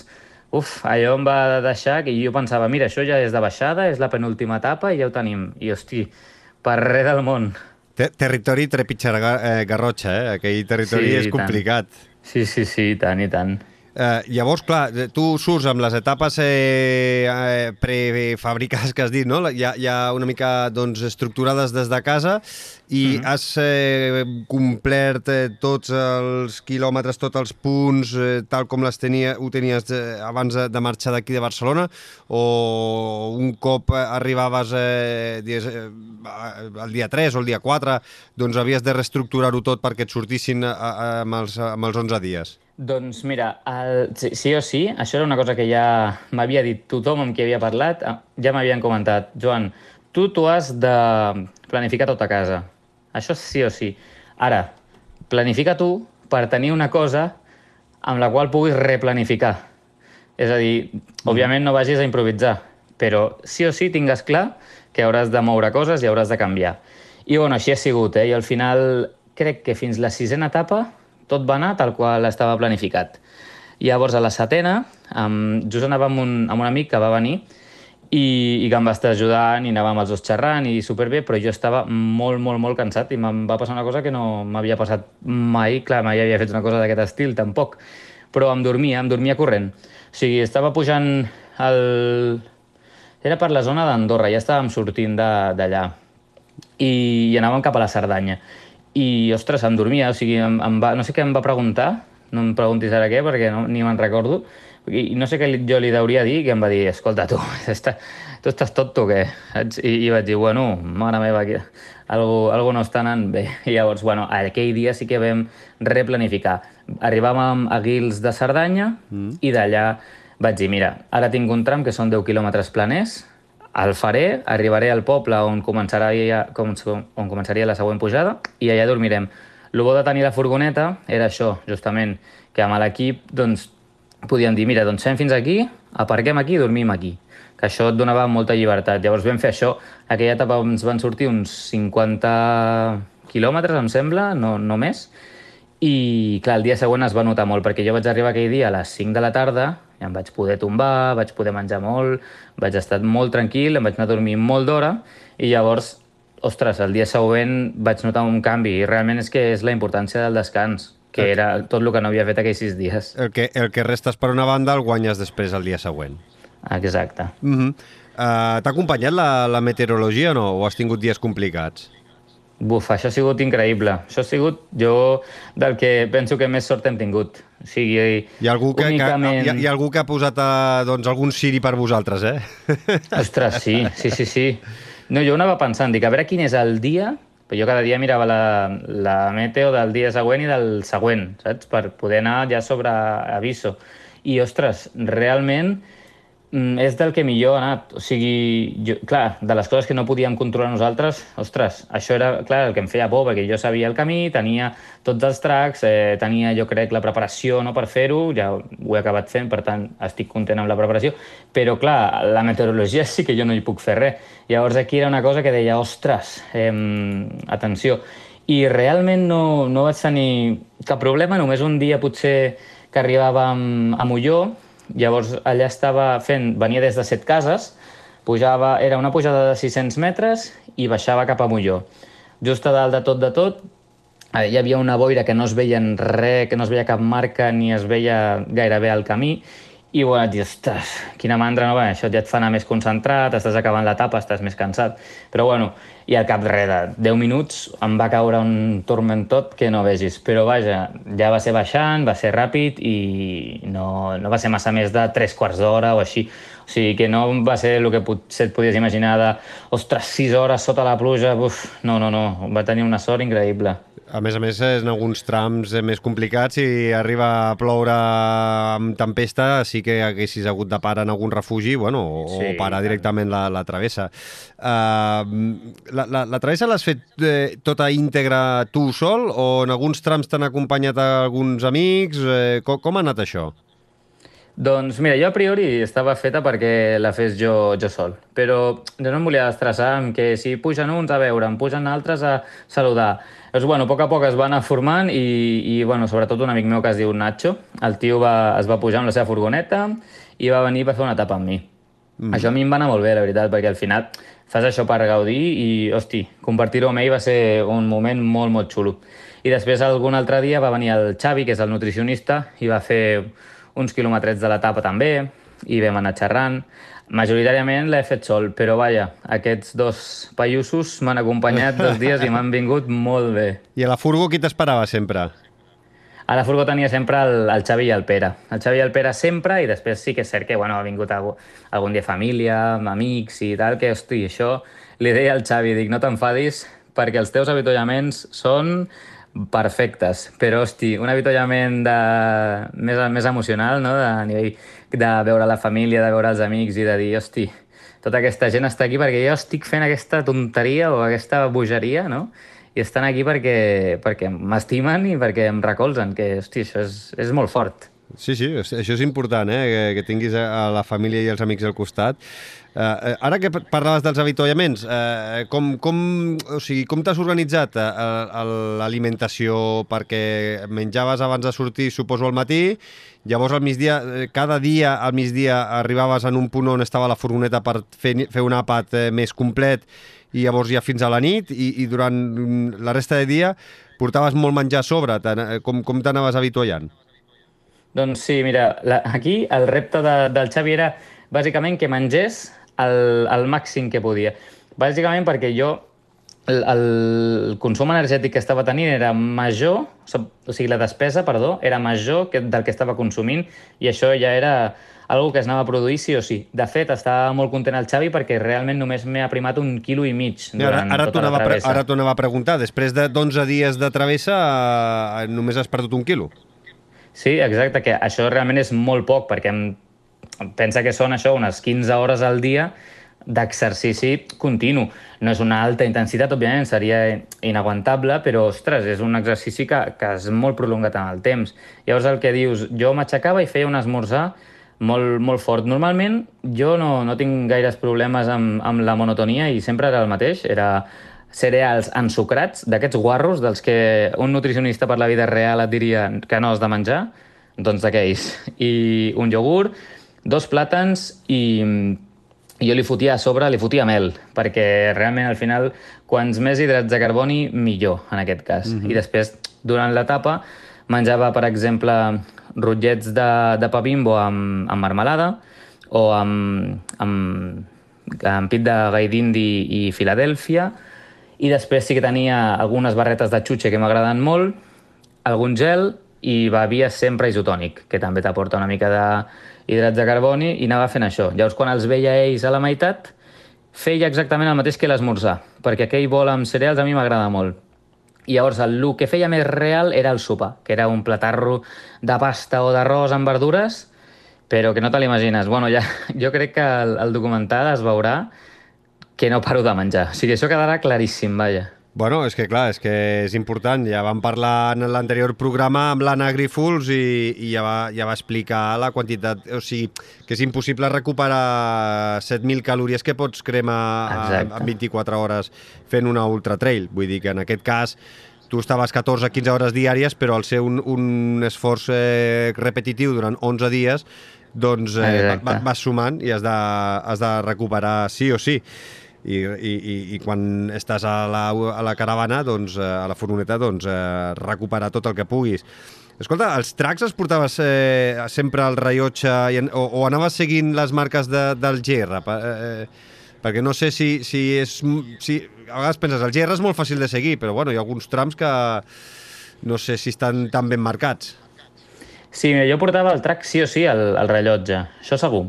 I després tenia un altre GPS més clàssic de GPS de mà, de, mm. del típic d'alpinisme, de fer muntanya, de caminar, que el tenia com a, com a seguro, no? de, de dir, ei, sempre tenia el track eh, disponible. Tot i així sí que és veritat que el GR i en concret l'11 estava molt ben marcat. És graciós perquè en cada comunitat autònoma Sí, està, no, el- està, no sé com anirà exactament, però ja la normativa no, de s'ha de senyalitzar el GR. Ara, com fer-ho és eh, ho farà cada comunitat autònoma, no?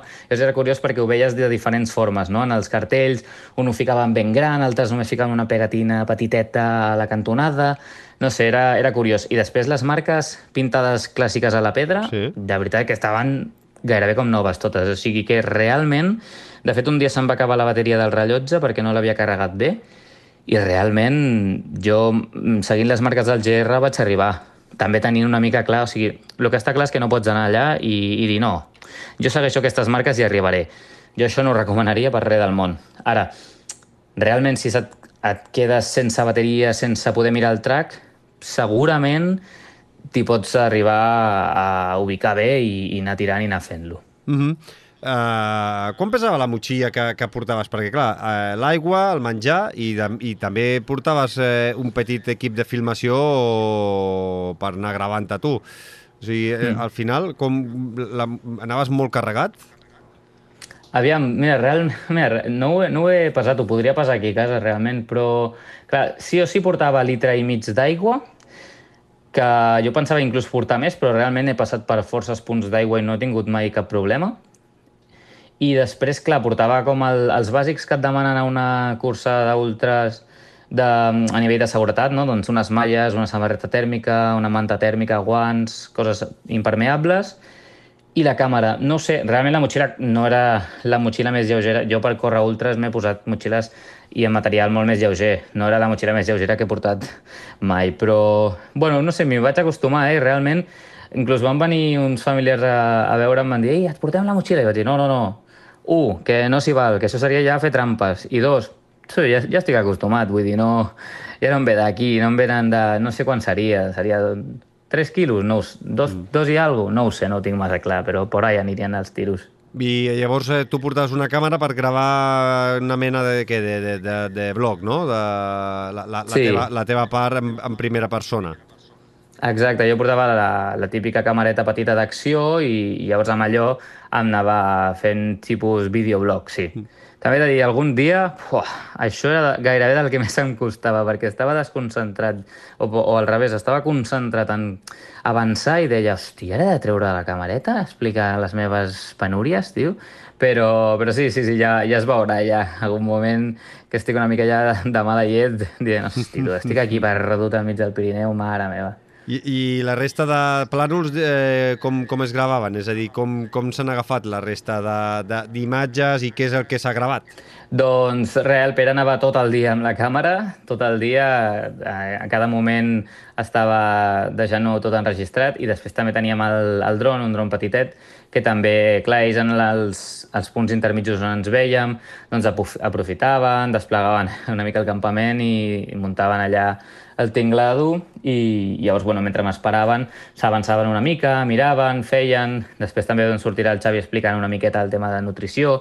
També a nivell del documental també no serà només únicament imatges d'allò corrent, saps? És també una miqueta explicar l'experiència i també una mica més doncs, de forma externa de com ho han viscut les persones properes, no? Llavors, doncs, també es combinarà amb entrevistes, etc. Llavors, bueno, era una mica això, agafar imatges de recurs i, i anar fent. I ja teniu tot el material gravat o encara heu de gravar doncs, alguna entrevista per farcir el documental? Doncs sí, no, no, encara tenim molt material gravat, però encara volem fer algunes entrevistes més i, i anar fent... Bueno, al final ara sobretot és això de les entrevistes, una miqueta per parlar amb la gent que jo m'he enmirallat, que m'han ajudat, familiars, i també doncs, poder mostrar el seu punt de vista, no? de veure doncs, com el, el seu o fill o germà, parella, amic, eh, eh, com ho han viscut ells, no? El, eh, que em coneixen com a persona fora de l'àmbit més esportiu, doncs com han viscut eh, que jo hagi volgut fer aquest repte, que l'hagi acabat, que jo que sé, el pesat que he sigut inclús amb ells eh, explicant-los, etc. Bueno, una miqueta veure les impressions de gent més externa, no? que també és, és algo curiós, perquè al final no sóc només jo, i, ja, ja t'ho dic directament, vull dir, és impossible que jo hagués fet això jo sol. Ho parlava l'altre dia amb el Pere. Inclús amb el Pere i jo havíem pensat, vinga, ho fem tu i jo, i tu corres, i el Pere m'ho feia tot i m'ajudava i tal. Hem vist que de la forma que ho hem volgut fer, impossible, impossible, impossible. Ja ens ha costat prou sent el Pere, el Xavi i jo com per haver-ho fet dues persones soles. Vull mm. dir, aquest, o sigui, si algú s'ho planteja, s'ha de rodejar d'un bon equip, eh, al costat. Sí, jo crec que, bueno, per fer-ho en aquest estil, com ho he volgut fer jo, i volent-ho deixar gravat, jo crec que és impossible fer-ho una persona sola. Després està gent que jo, per mi, són els meus ídols, com per exemple l'Oriol, l'Oriol Antolí. Home, aquest tio s'agafa una motxilla i, i et pots trobar a l'altra punta del món. Bèstia parda, eh? L'Oriol és una altra... juga en una, en una altra lliga, eh? Sí, no, no, l'Oriol, ja et dic, bueno, jo amb ell parlo molt, aquest tio, ja et dic que simplement que li dones la motxilla una miqueta de, de pinso per ocells i se te'n va donar la volta al món. Bueno, i ara fa uns minuts que hem parlat amb la Mònica Aguilera, que ha acabat el Tour des Glaciers, 450 quilòmetres non-stop, vull dir, de, de, de, Déu-n'hi-do, eh? Vull dir, avui un programa que ens està quedant de gent eh, que fa autèntiques animalades. Però, bueno, eh, de tot això, què, què és el que tu et quedes? O sigui, d'aquesta experiència, d'aquesta bogeria, eh, doncs tu què dius? Ostres, doncs em quedo amb això. Quina és la cosa que t'emportaràs sempre, que recordaràs sempre? Doncs mira, jo això és una cosa que havia volgut fer des de, des de fa molt temps i al final mmm, no, no buscant-ho, aquest any no, no, no era una cosa que, que tenia gaire, gaire en ment.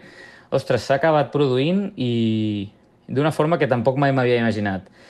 I al final, clar, sí que és cert que al, al fer-ho d'aquesta manera he estat moltes i moltes hores, tot i que sempre tingués un contacte intermedi de, dels companys amb la furgoneta, moltes hores estàs sol a la muntanya, no? I al final, qui, qui s'ha de treure les castanyes del foc en aquells moments ets tu, no? I, I una de les coses que he après és això, justament, que, bueno, ja se sap, tampoc jo dono aquí ninguna lliçó a ningú, però realment la importància que és doncs, confiar no, en un mateix i tenir clar el que ha de fer, on pot arribar també, perquè al final has de ser realista, i després, tot i que sàpigues que allò comporta un patiment, realitzar-ho, hosti, saborejar aquests moments és, és increïble i, i al final, si tu no t'ho curres, ningú et vindrà darrere a empotxar-te i a dir-te vinga, va, no, i camina.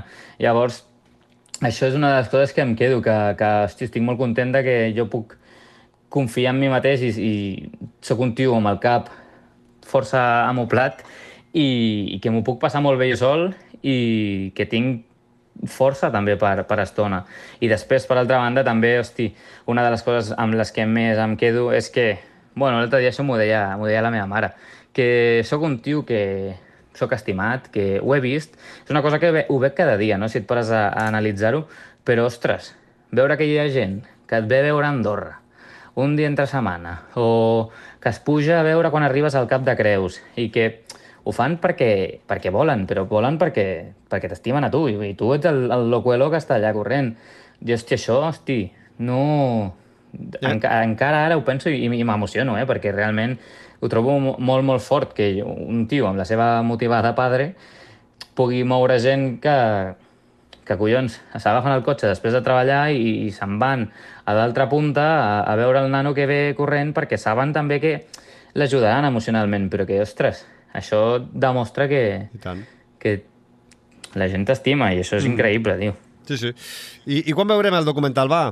Teniu alguna data al calendari prevista de quan creieu que, que pot estar ja acabat, editat i, i que el pugueu publicar? Doncs sí, mira, primer el, els que primer es veuran el documental són els que han sigut els, els mecenes del, del projecte de, de Berkami. Aquests tots el veuran ja a principi d'any, vale? llavors a partir d'aquí, com tenim temps fins a principi d'any i hem d'acabar de, de veure doncs, com acabem de fer el, el Berka... Ai, perdó, el- el- l'audiovisual, Sí, documental, nassos. De- de- la postproducció. Exacte, la postproducció, hem de veure doncs, les entrevistes, hem de fer mil coses. Doncs jo vull pensar, perquè és una cosa que em vas comentar tu, que potser seria interessant doncs, ficar-ho en alguna plataforma, que algú pogués doncs, comprar-lo mm. o veure en lloguer o no sé exactament això, no sé molt molt bé com funciona, però sí que ens agradaria fer-ho d'alguna manera així. I després la idea també és presentar-lo en alguns eh, concursos, en alguns eh, festivals i, i veure a veure què, què podem fer, perquè creiem que pot sortir una cosa de força qualitat. De fet, bueno, les imatges que hem estat veient aquests dies que feia el Pere i tal ha sigut increïble. O sigui, jo, clar, jo ho veia perquè estava ja corrent pel mig, però hosti, jo com a espectador m'agradaria veure-ho també. I això és una cosa que jo crec que és, és xula, perquè al final tu fer un producte que dius, hòstia, jo el consumiria, mm, això ja com a mínim em dona una, una bona idea de dir, vale, això penso que pot, pot agradar a la gent. Mm. Llavors, potser seria aquesta la via. Primer de tot, la gent que va col·laborar econòmicament amb el projecte, que jo penso que això és, vamos, el primer i el més bàsic, i després, doncs, segurament ho publicarem en alguna plataforma i, i més endavant sí que s'acabarà publicant, suposo que perquè la gent que pugui no ho hagi vist encara doncs pugui veure sense cap problema. Doncs estarem atents eh, per eh, doncs, veure'l i gaudir-lo. Eh, bueno, i ara què? Ja acabo. Eh, el, projectes, reptes, eh, descans, eh, córrer per plaer i gaudir, què, què tens pel cap ara mateix? Doncs ara mateix, primer de tot, recuperar-me. Recuperar-me i obligar-me que sóc entrenador i més que ningú tinc clar el que comporta una cosa així a nivell físic i després el que comporta a nivell de recuperació. O sigui, no puc estar pensant en què ve després si no tinc clar que m'he de recuperar i això vol dir un, dos mesos tranquil, sense pressa, que sóc jove i que no em vull cascar abans d'hora.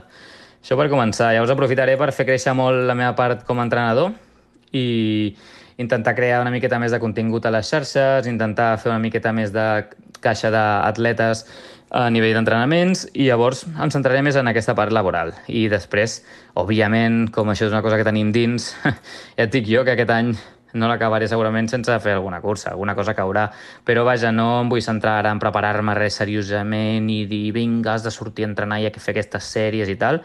Fins, ja et dic, d'aquí un parell de mesos, segur. Mm -hmm. Això sí, ja t'ho deia abans, la bicicleta, que m'encanta, aprofitaré per tocar-la molt i molt perquè m'agrada molt, a sobre em relaxa i, i és una cosa que m'ajudarà també a no perdre massa capacitat aeròbica, que també, bueno, és una de les coses que més he treballat aquests 11 dies. Doncs, eh, escolta, Joan, a, a gaudir d'aquest descans eh, actiu, a gaudir de la bicicleta i, sobretot, enhorabona per completar aquesta travessa, aquest repte, i estarem atents per veure el documental quan el tingueu a punt.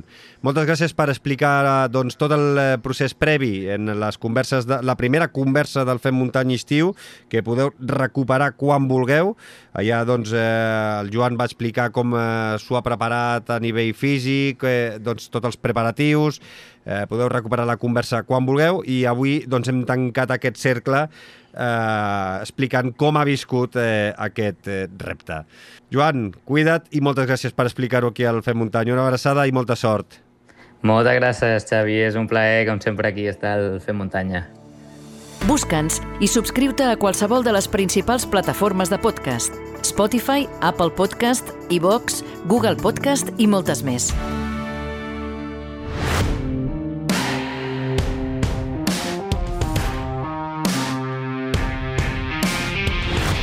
En seguida parlem amb la Marga Santín i anem fins a Sant Llorenç Savall, però, clar, no hi ha un fer muntanya sense passar per la consulta del nostre coach esportiu de capçalera, en Guillem Marchal, ja ho sabeu, és llicenciat en Ciències de l'Activitat Física i l'Esport i Master Coach per la International School of Coaching. Molt bones, Guillem, de nou. Molt bones, Xavi, família muntanyera. A veure, primer de tot, eh, què t'ha semblat la notícia bomba d'aquesta setmana que ha revelat que Núria Piques eh, correrà l'Ultra Pirineu després de 3 anys aturada? Creus que inclús, no sé, pot tenir opcions reals de, de pujar al podi? Ostres, eh, mira, doncs primer de tot eh, em va semblar una notícia extraordinària perquè realment se la troba a faltar al circuit i perquè suposa una pujada de nivell per a totes les seves companyes també i rivals que segur que milloraran prestacions tenint-la altra vegada amb elles. I, I després, respecte de les seves opcions, eh, només, mira, només et diré una cosa. Eh, un animal competitiva com ella, després de 3 anys sense competir, mesurant com ha mesurat tota la seva recuperació, crec que és una seriosa aspirant a podi perquè no veig a la Núria posant-s'hi sense tenir molt ben calculat el cost-benefici de la seva decisió. Això és el que el mateix estava pensant, no? És a dir, atletes com, com ella, com, com el Kilian, és a dir, atletes de, de superèlit, eh, no es tornen a posar un dorsal o no s'apunten eh, a una competició si no tenen molt clar que estaran en, a, en un podi. Sí, sí, totalment d'acord. Eh, al final, eh, què els reporta més benefici o, o, o, o què els perjudica més? No? I, I jo crec que aquí segurament eh, ha fet una valoració eh, molt realista de la seva situació actual i de com pot afrontar aquesta competició amb ànims d'estar a dalt, però a dalt, a dalt. Mm -hmm. Doncs ja ho veurem. Això serà a finals de setembre, eh, 1, 2 i 3 d'octubre. Més enllà dels podis, el que sí que ens donarà és molt de joc, eh, aquells que ens dediquem a mirar des de la barrera. I ara també estaria bé que m'aclareixis una miqueta el títol d'aquesta píndola, d'aquesta secció, que li has posat el títol de Assassins atenuats. Eh, així és com jo he començat a dir-li a les persones que assassinen ciclistes a la carretera que en comptes d'assumir les responsabilitats dels seus actes paguen advocats sense cap dignitat moral perquè comencin a buscar excuses que els salvin el cul. Mm -hmm. Veig que, com sempre, vas fort i sense pèls a, a, la, a la llengua. M'imagino que parles de l'accident que hi va haver ara doncs, fa unes eh, quantes setmanes eh, on van morir dos ciclistes en un atropellament a, a massa, no? Parlo d'aquests, eh, del que hi va haver abans de l'estiu a la carretera de Castellà del Vallès de Terrassa, per on mm. passo molt sovint. Parlo també del noi amb el que vaig coincidir a un fisioterapeuta que sense estar mort li havien escapçat la vida. Parlo en general dels 8, 10 o 12 que cada any troben la mort a mans de conductors amb el mateix perfil sempre. I parlo, com no, de les desenes de ciclistes que sobreviuen amb seqüeles difícils d'aportar. Parlo en general de que ja n'hi ha prou. Mm -hmm tot i estar totalment d'acord amb tu, no creus que parlar d'assassins, no sé, eh, potser, i ara faig d'advocat del diable, no? És una mica fort. Mm. Sincerament no. La diferència entre assassinat i homicidi al Codi Penal és que hi ha d'haver voluntat de matar. I per mi, una persona que pot escollir entre avançar i no avançar en una zona complicada o sense estar en plenes facultats, ja està dotant la seva decisió d'una voluntat implícita. És a dir, si decideix avançar, sap perfectament que abans s'endurà el ciclista pel davant que no pas xocarà amb un altre cotxe.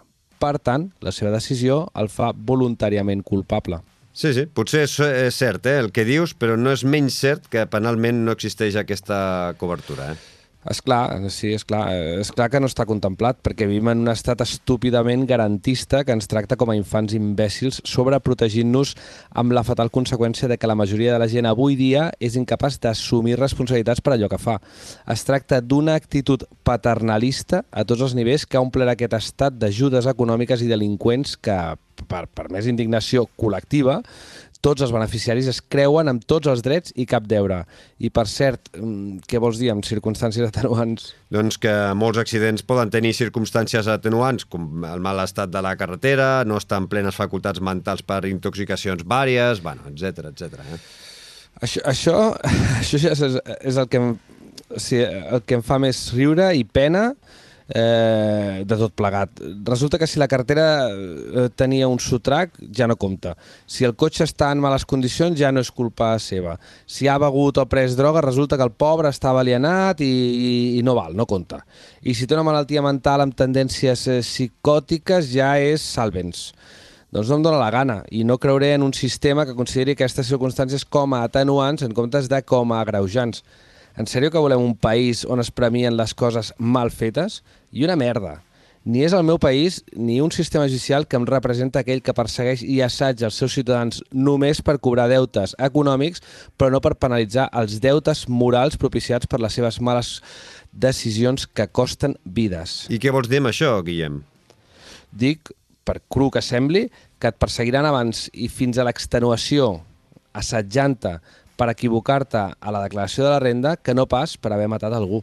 Perquè a Espanya, amb aquest sistema judicial, aquest codi penal que nos hemos dado entre todos, matar és gratis. Sí, però tu que surts molt en bici de, de carretera, eh? sabràs millor que ningú que no sempre els ciclistes, doncs no sé, eh? a vegades eh, no poseu tot de la vostra part per tenir doncs, la millor convivència a la carretera. Vull dir que a vegades els ciclistes també eh, tot i que sempre són els, els que surten més malparats, eh? però es veuen algunes imprudències i, no, i molts ciclistes a vegades no coneixen les normes de circulació pels ciclistes. Sí, sí, Que n'hi sí, ha. esclar, Xavi. Sí, sí, n'hi ha. I, I no trauré pas la raó, eh? p- Perquè és un debat que he tingut infinitat de vegades amb amics que no entenen que la gent surti en bici amb el perill constant de morir atropellat i sempre em treuen exemples de situacions que han viscut amb un ciclista que fa tap expressament o d'altres que fan pilot o d'altres que sembla que es posin separats expressament per no poder ser avançats o, o algunes imprudències vàries, és, està clar. Et dic el mateix que els dic a ells. Hi ha ciclistes incívics i irresponsables, clar, pocs, però n'hi ha però les seves decisions atempten directament contra les seves vides, eh, mentre que la irresponsabilitat dels conductors envers els ciclistes sempre acaba amb una bicicleta pintada de blanc i una corona de flors al marge d'una carretera comarcal. Llavors, amb tot això que m'expliques, no sé, a veure si posem llum a la foscor. De quina manera podríem millorar tot aquest panorama tan negre que, que ens presentes? Doncs et diré que d'una manera pedagògica i, i una de legal. Eh, La pedagògica serà que els ciclistes assumim la- l'ajuda a la conducció còmoda dels cotxes evitant dobles i triples fileres o pilots en trams concrets, independentment del que digui la, la merda de codi de circulació que tenim, eh, fet per gent que només ha vist una bici al verano azul, saps? I senyalitzant les vegades que calgui les condicions que tenim al davant per advertir els conductors que, que tenim al darrere per tranquil·litzar les cues que formem a vegades i que poden ser exasperants i ho entenem i, i mostrar una bona voluntat i, i molta proactivitat, això I- està clar. I a nivell legal? Doncs, doncs canviant el Codi Penal perquè cadascú assumeixi les responsabilitats que li pertoquen per les seves decisions. Canviant la merda aquesta de que sense antecedents previs tot queda igualit perquè has matat a una persona i has destruït a una família.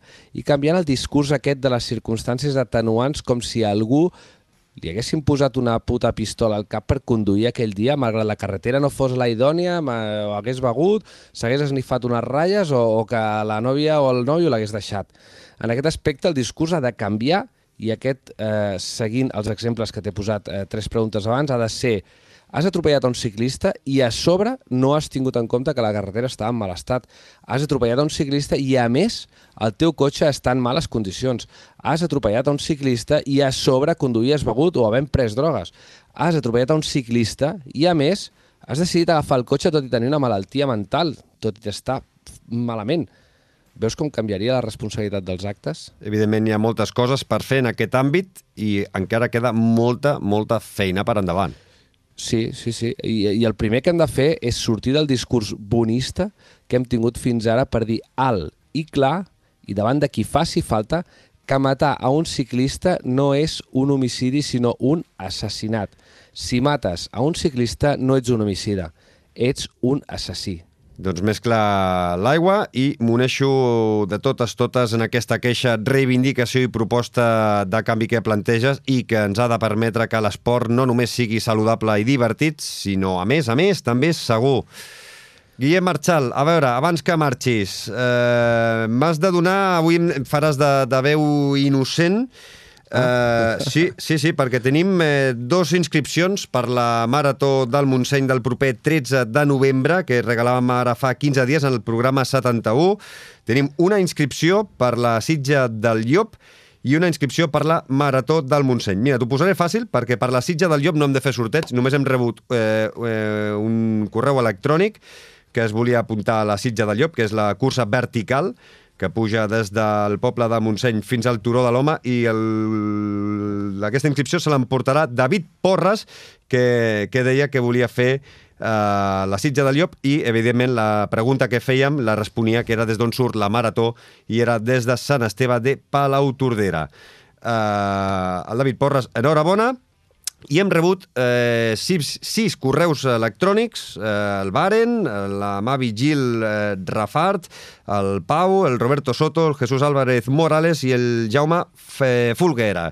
Eh, M'has de dir un número de l'1 al 6, eh, els hem posat un número a cadascun i un d'ells eh, correrà el 13 de novembre a la Marató del Montseny. Tu mateix.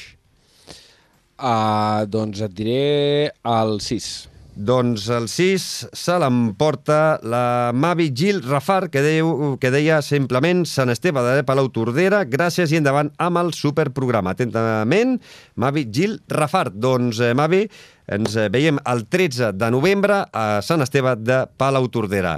Guillem, amb tu no ens veiem el dia 13 de novembre, ens veurem molt abans, ens escoltem com a mínim d'aquí a 15 dies eh, en el programa 73. Moltes gràcies, com sempre. Cuida't. Salut i fins al proper programa. Fem muntanya, l'esport outdoor en català.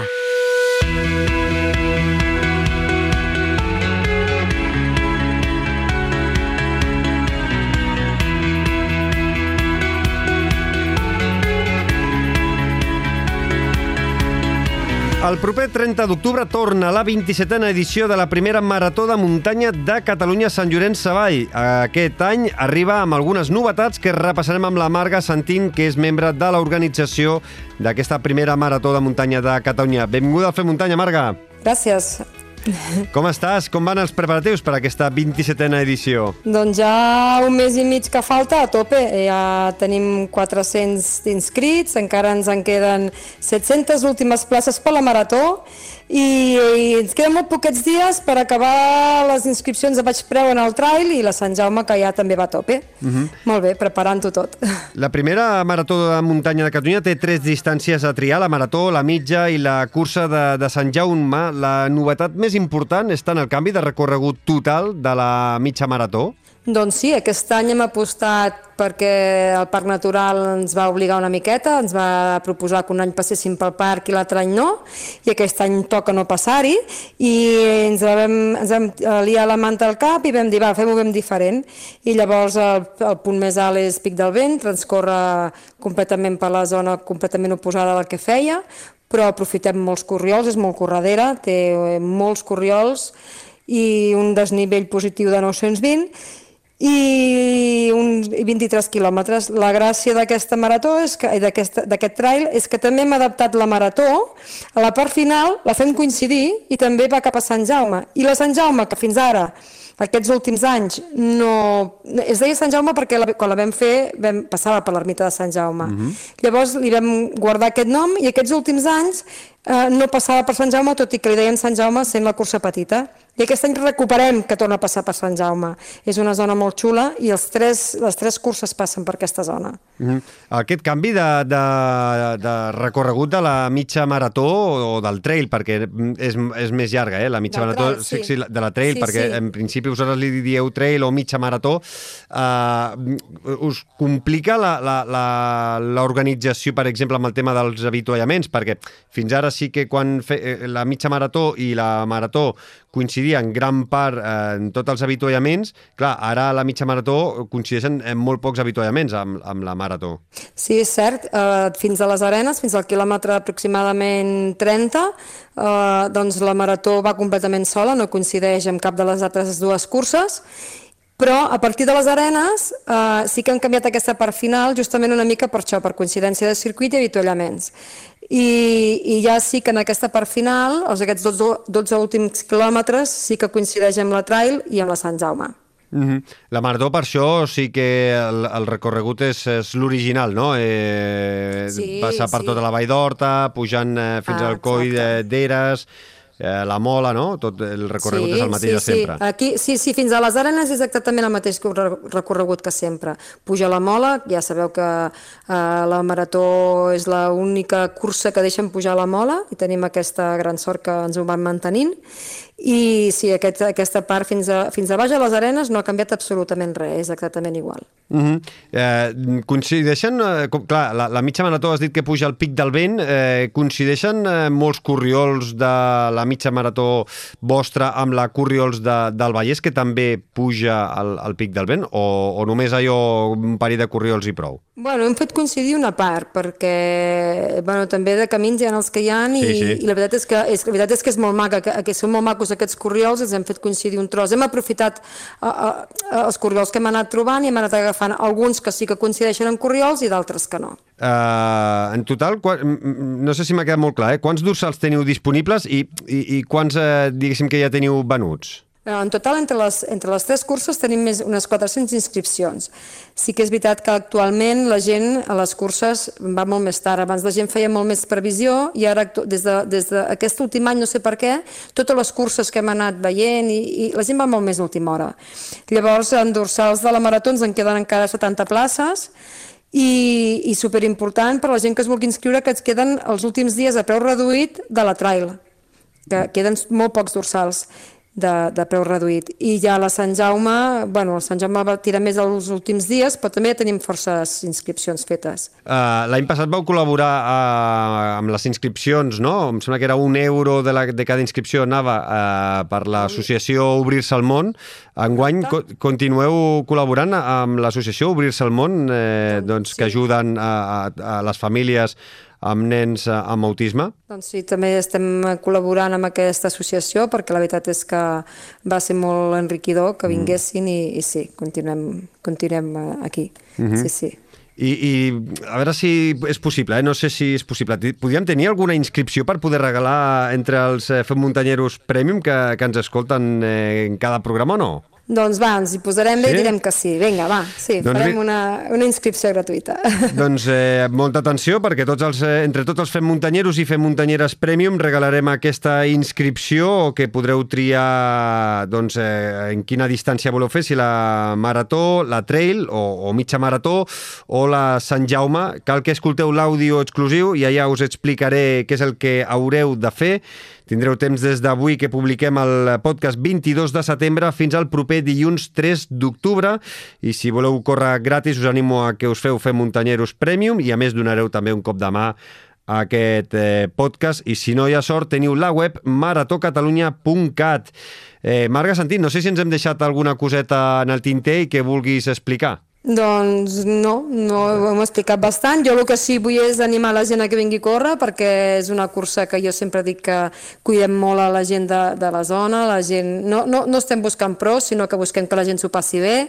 Tenim una pila de voluntaris que fan una feina excel·lent i que ens cuiden moltíssim i res, que vinguin a gaudir d'aquest entorn que tenim tan fantàstic aquí al Vallès que, que bueno, per mi és, és espectacular. Que jo no puc vendre d'una altra manera que espectacular. Bueno, si vols t'ajudo una miqueta. Eh, eh, l'he corregut eh, totes les distàncies eh, diversos anys eh, mm, seguits i la veritat és que teniu uns avituallaments collonuts i la festa, festassa que teniu muntada a la plaça de Sant Llorenç, en aquella placeta petita, tan cuca, i que tot eh, són eh, doncs, eh, voluntaris i amb aquells entrepans de botifarra al final, doncs eh, de debò, ja només per l'entrepà final eh, és d'aquelles curses que ja valen la pena anar-hi i evidentment doncs, eh, gaudir de la festa que munteu eh, perquè és, és que s'ajunta els, els corredors amb el públic, eh, el caliu, val molt la pena apropar-s'hi a Sant Llorenç a la primera marató de muntanya de,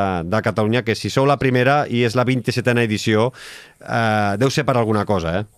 Sí, la veritat és que jo des d'aquí públicament, si em deixes, vull agrair a tota la gent que ho fa possible, perquè sense tota la gent, tant corredors com voluntaris, com organització, la gent del poble que tothom es volca, perquè arriben a plaçar eh, coses per poder estar aquest dia aquí, Jo des d'aquí públicament vull agrair-ho a tothom perquè sense tota aquesta gent i sense tots vosaltres això no seria possible. Tothom hi posa el seu granet de sorra. I que com a corredors quan hi anem eh, ben d'hora al matí tots són facilitats. Des del moment que aparques el cotxe, eh, des del moment que també vas a buscar el dorsal, eh, la sortida, eh, mentre estàs corrent, tots són ajudes i evidentment quan acabes eh, tens una gran festa. Marga Santín, com sempre que parlem amb vosaltres, eh, moltes gràcies per xerrar una estona amb nosaltres. Ens veiem el proper 30 d'octubre a Sant Llorenç Savall. Una abraçada i records a tots els companys que fan possible aquesta festa de, la, de les curses per muntanya. Cuida't, una abraçada. Gràcies, gràcies a vosaltres per l'interès. Vinga, fins aviat. Us esperem a Sant Llorenç.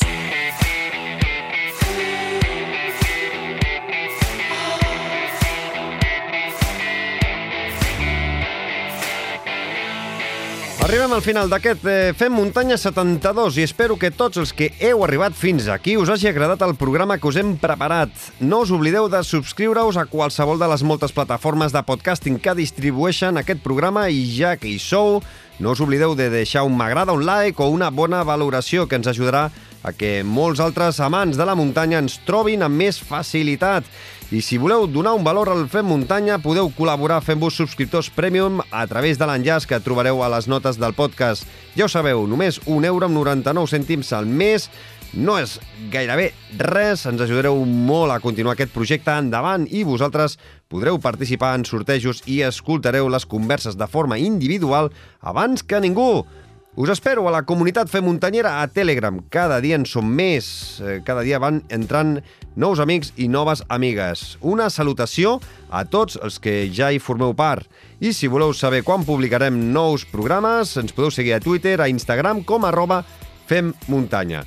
I, evidentment, no marxaré sense donar les gràcies a tots i a totes els que han eh, fet possible aquest nou programa. En Guillem Marchal, el Marc Cornet, la Marga Santín, el Joan Solanes i avui la gran Mònica Guilera.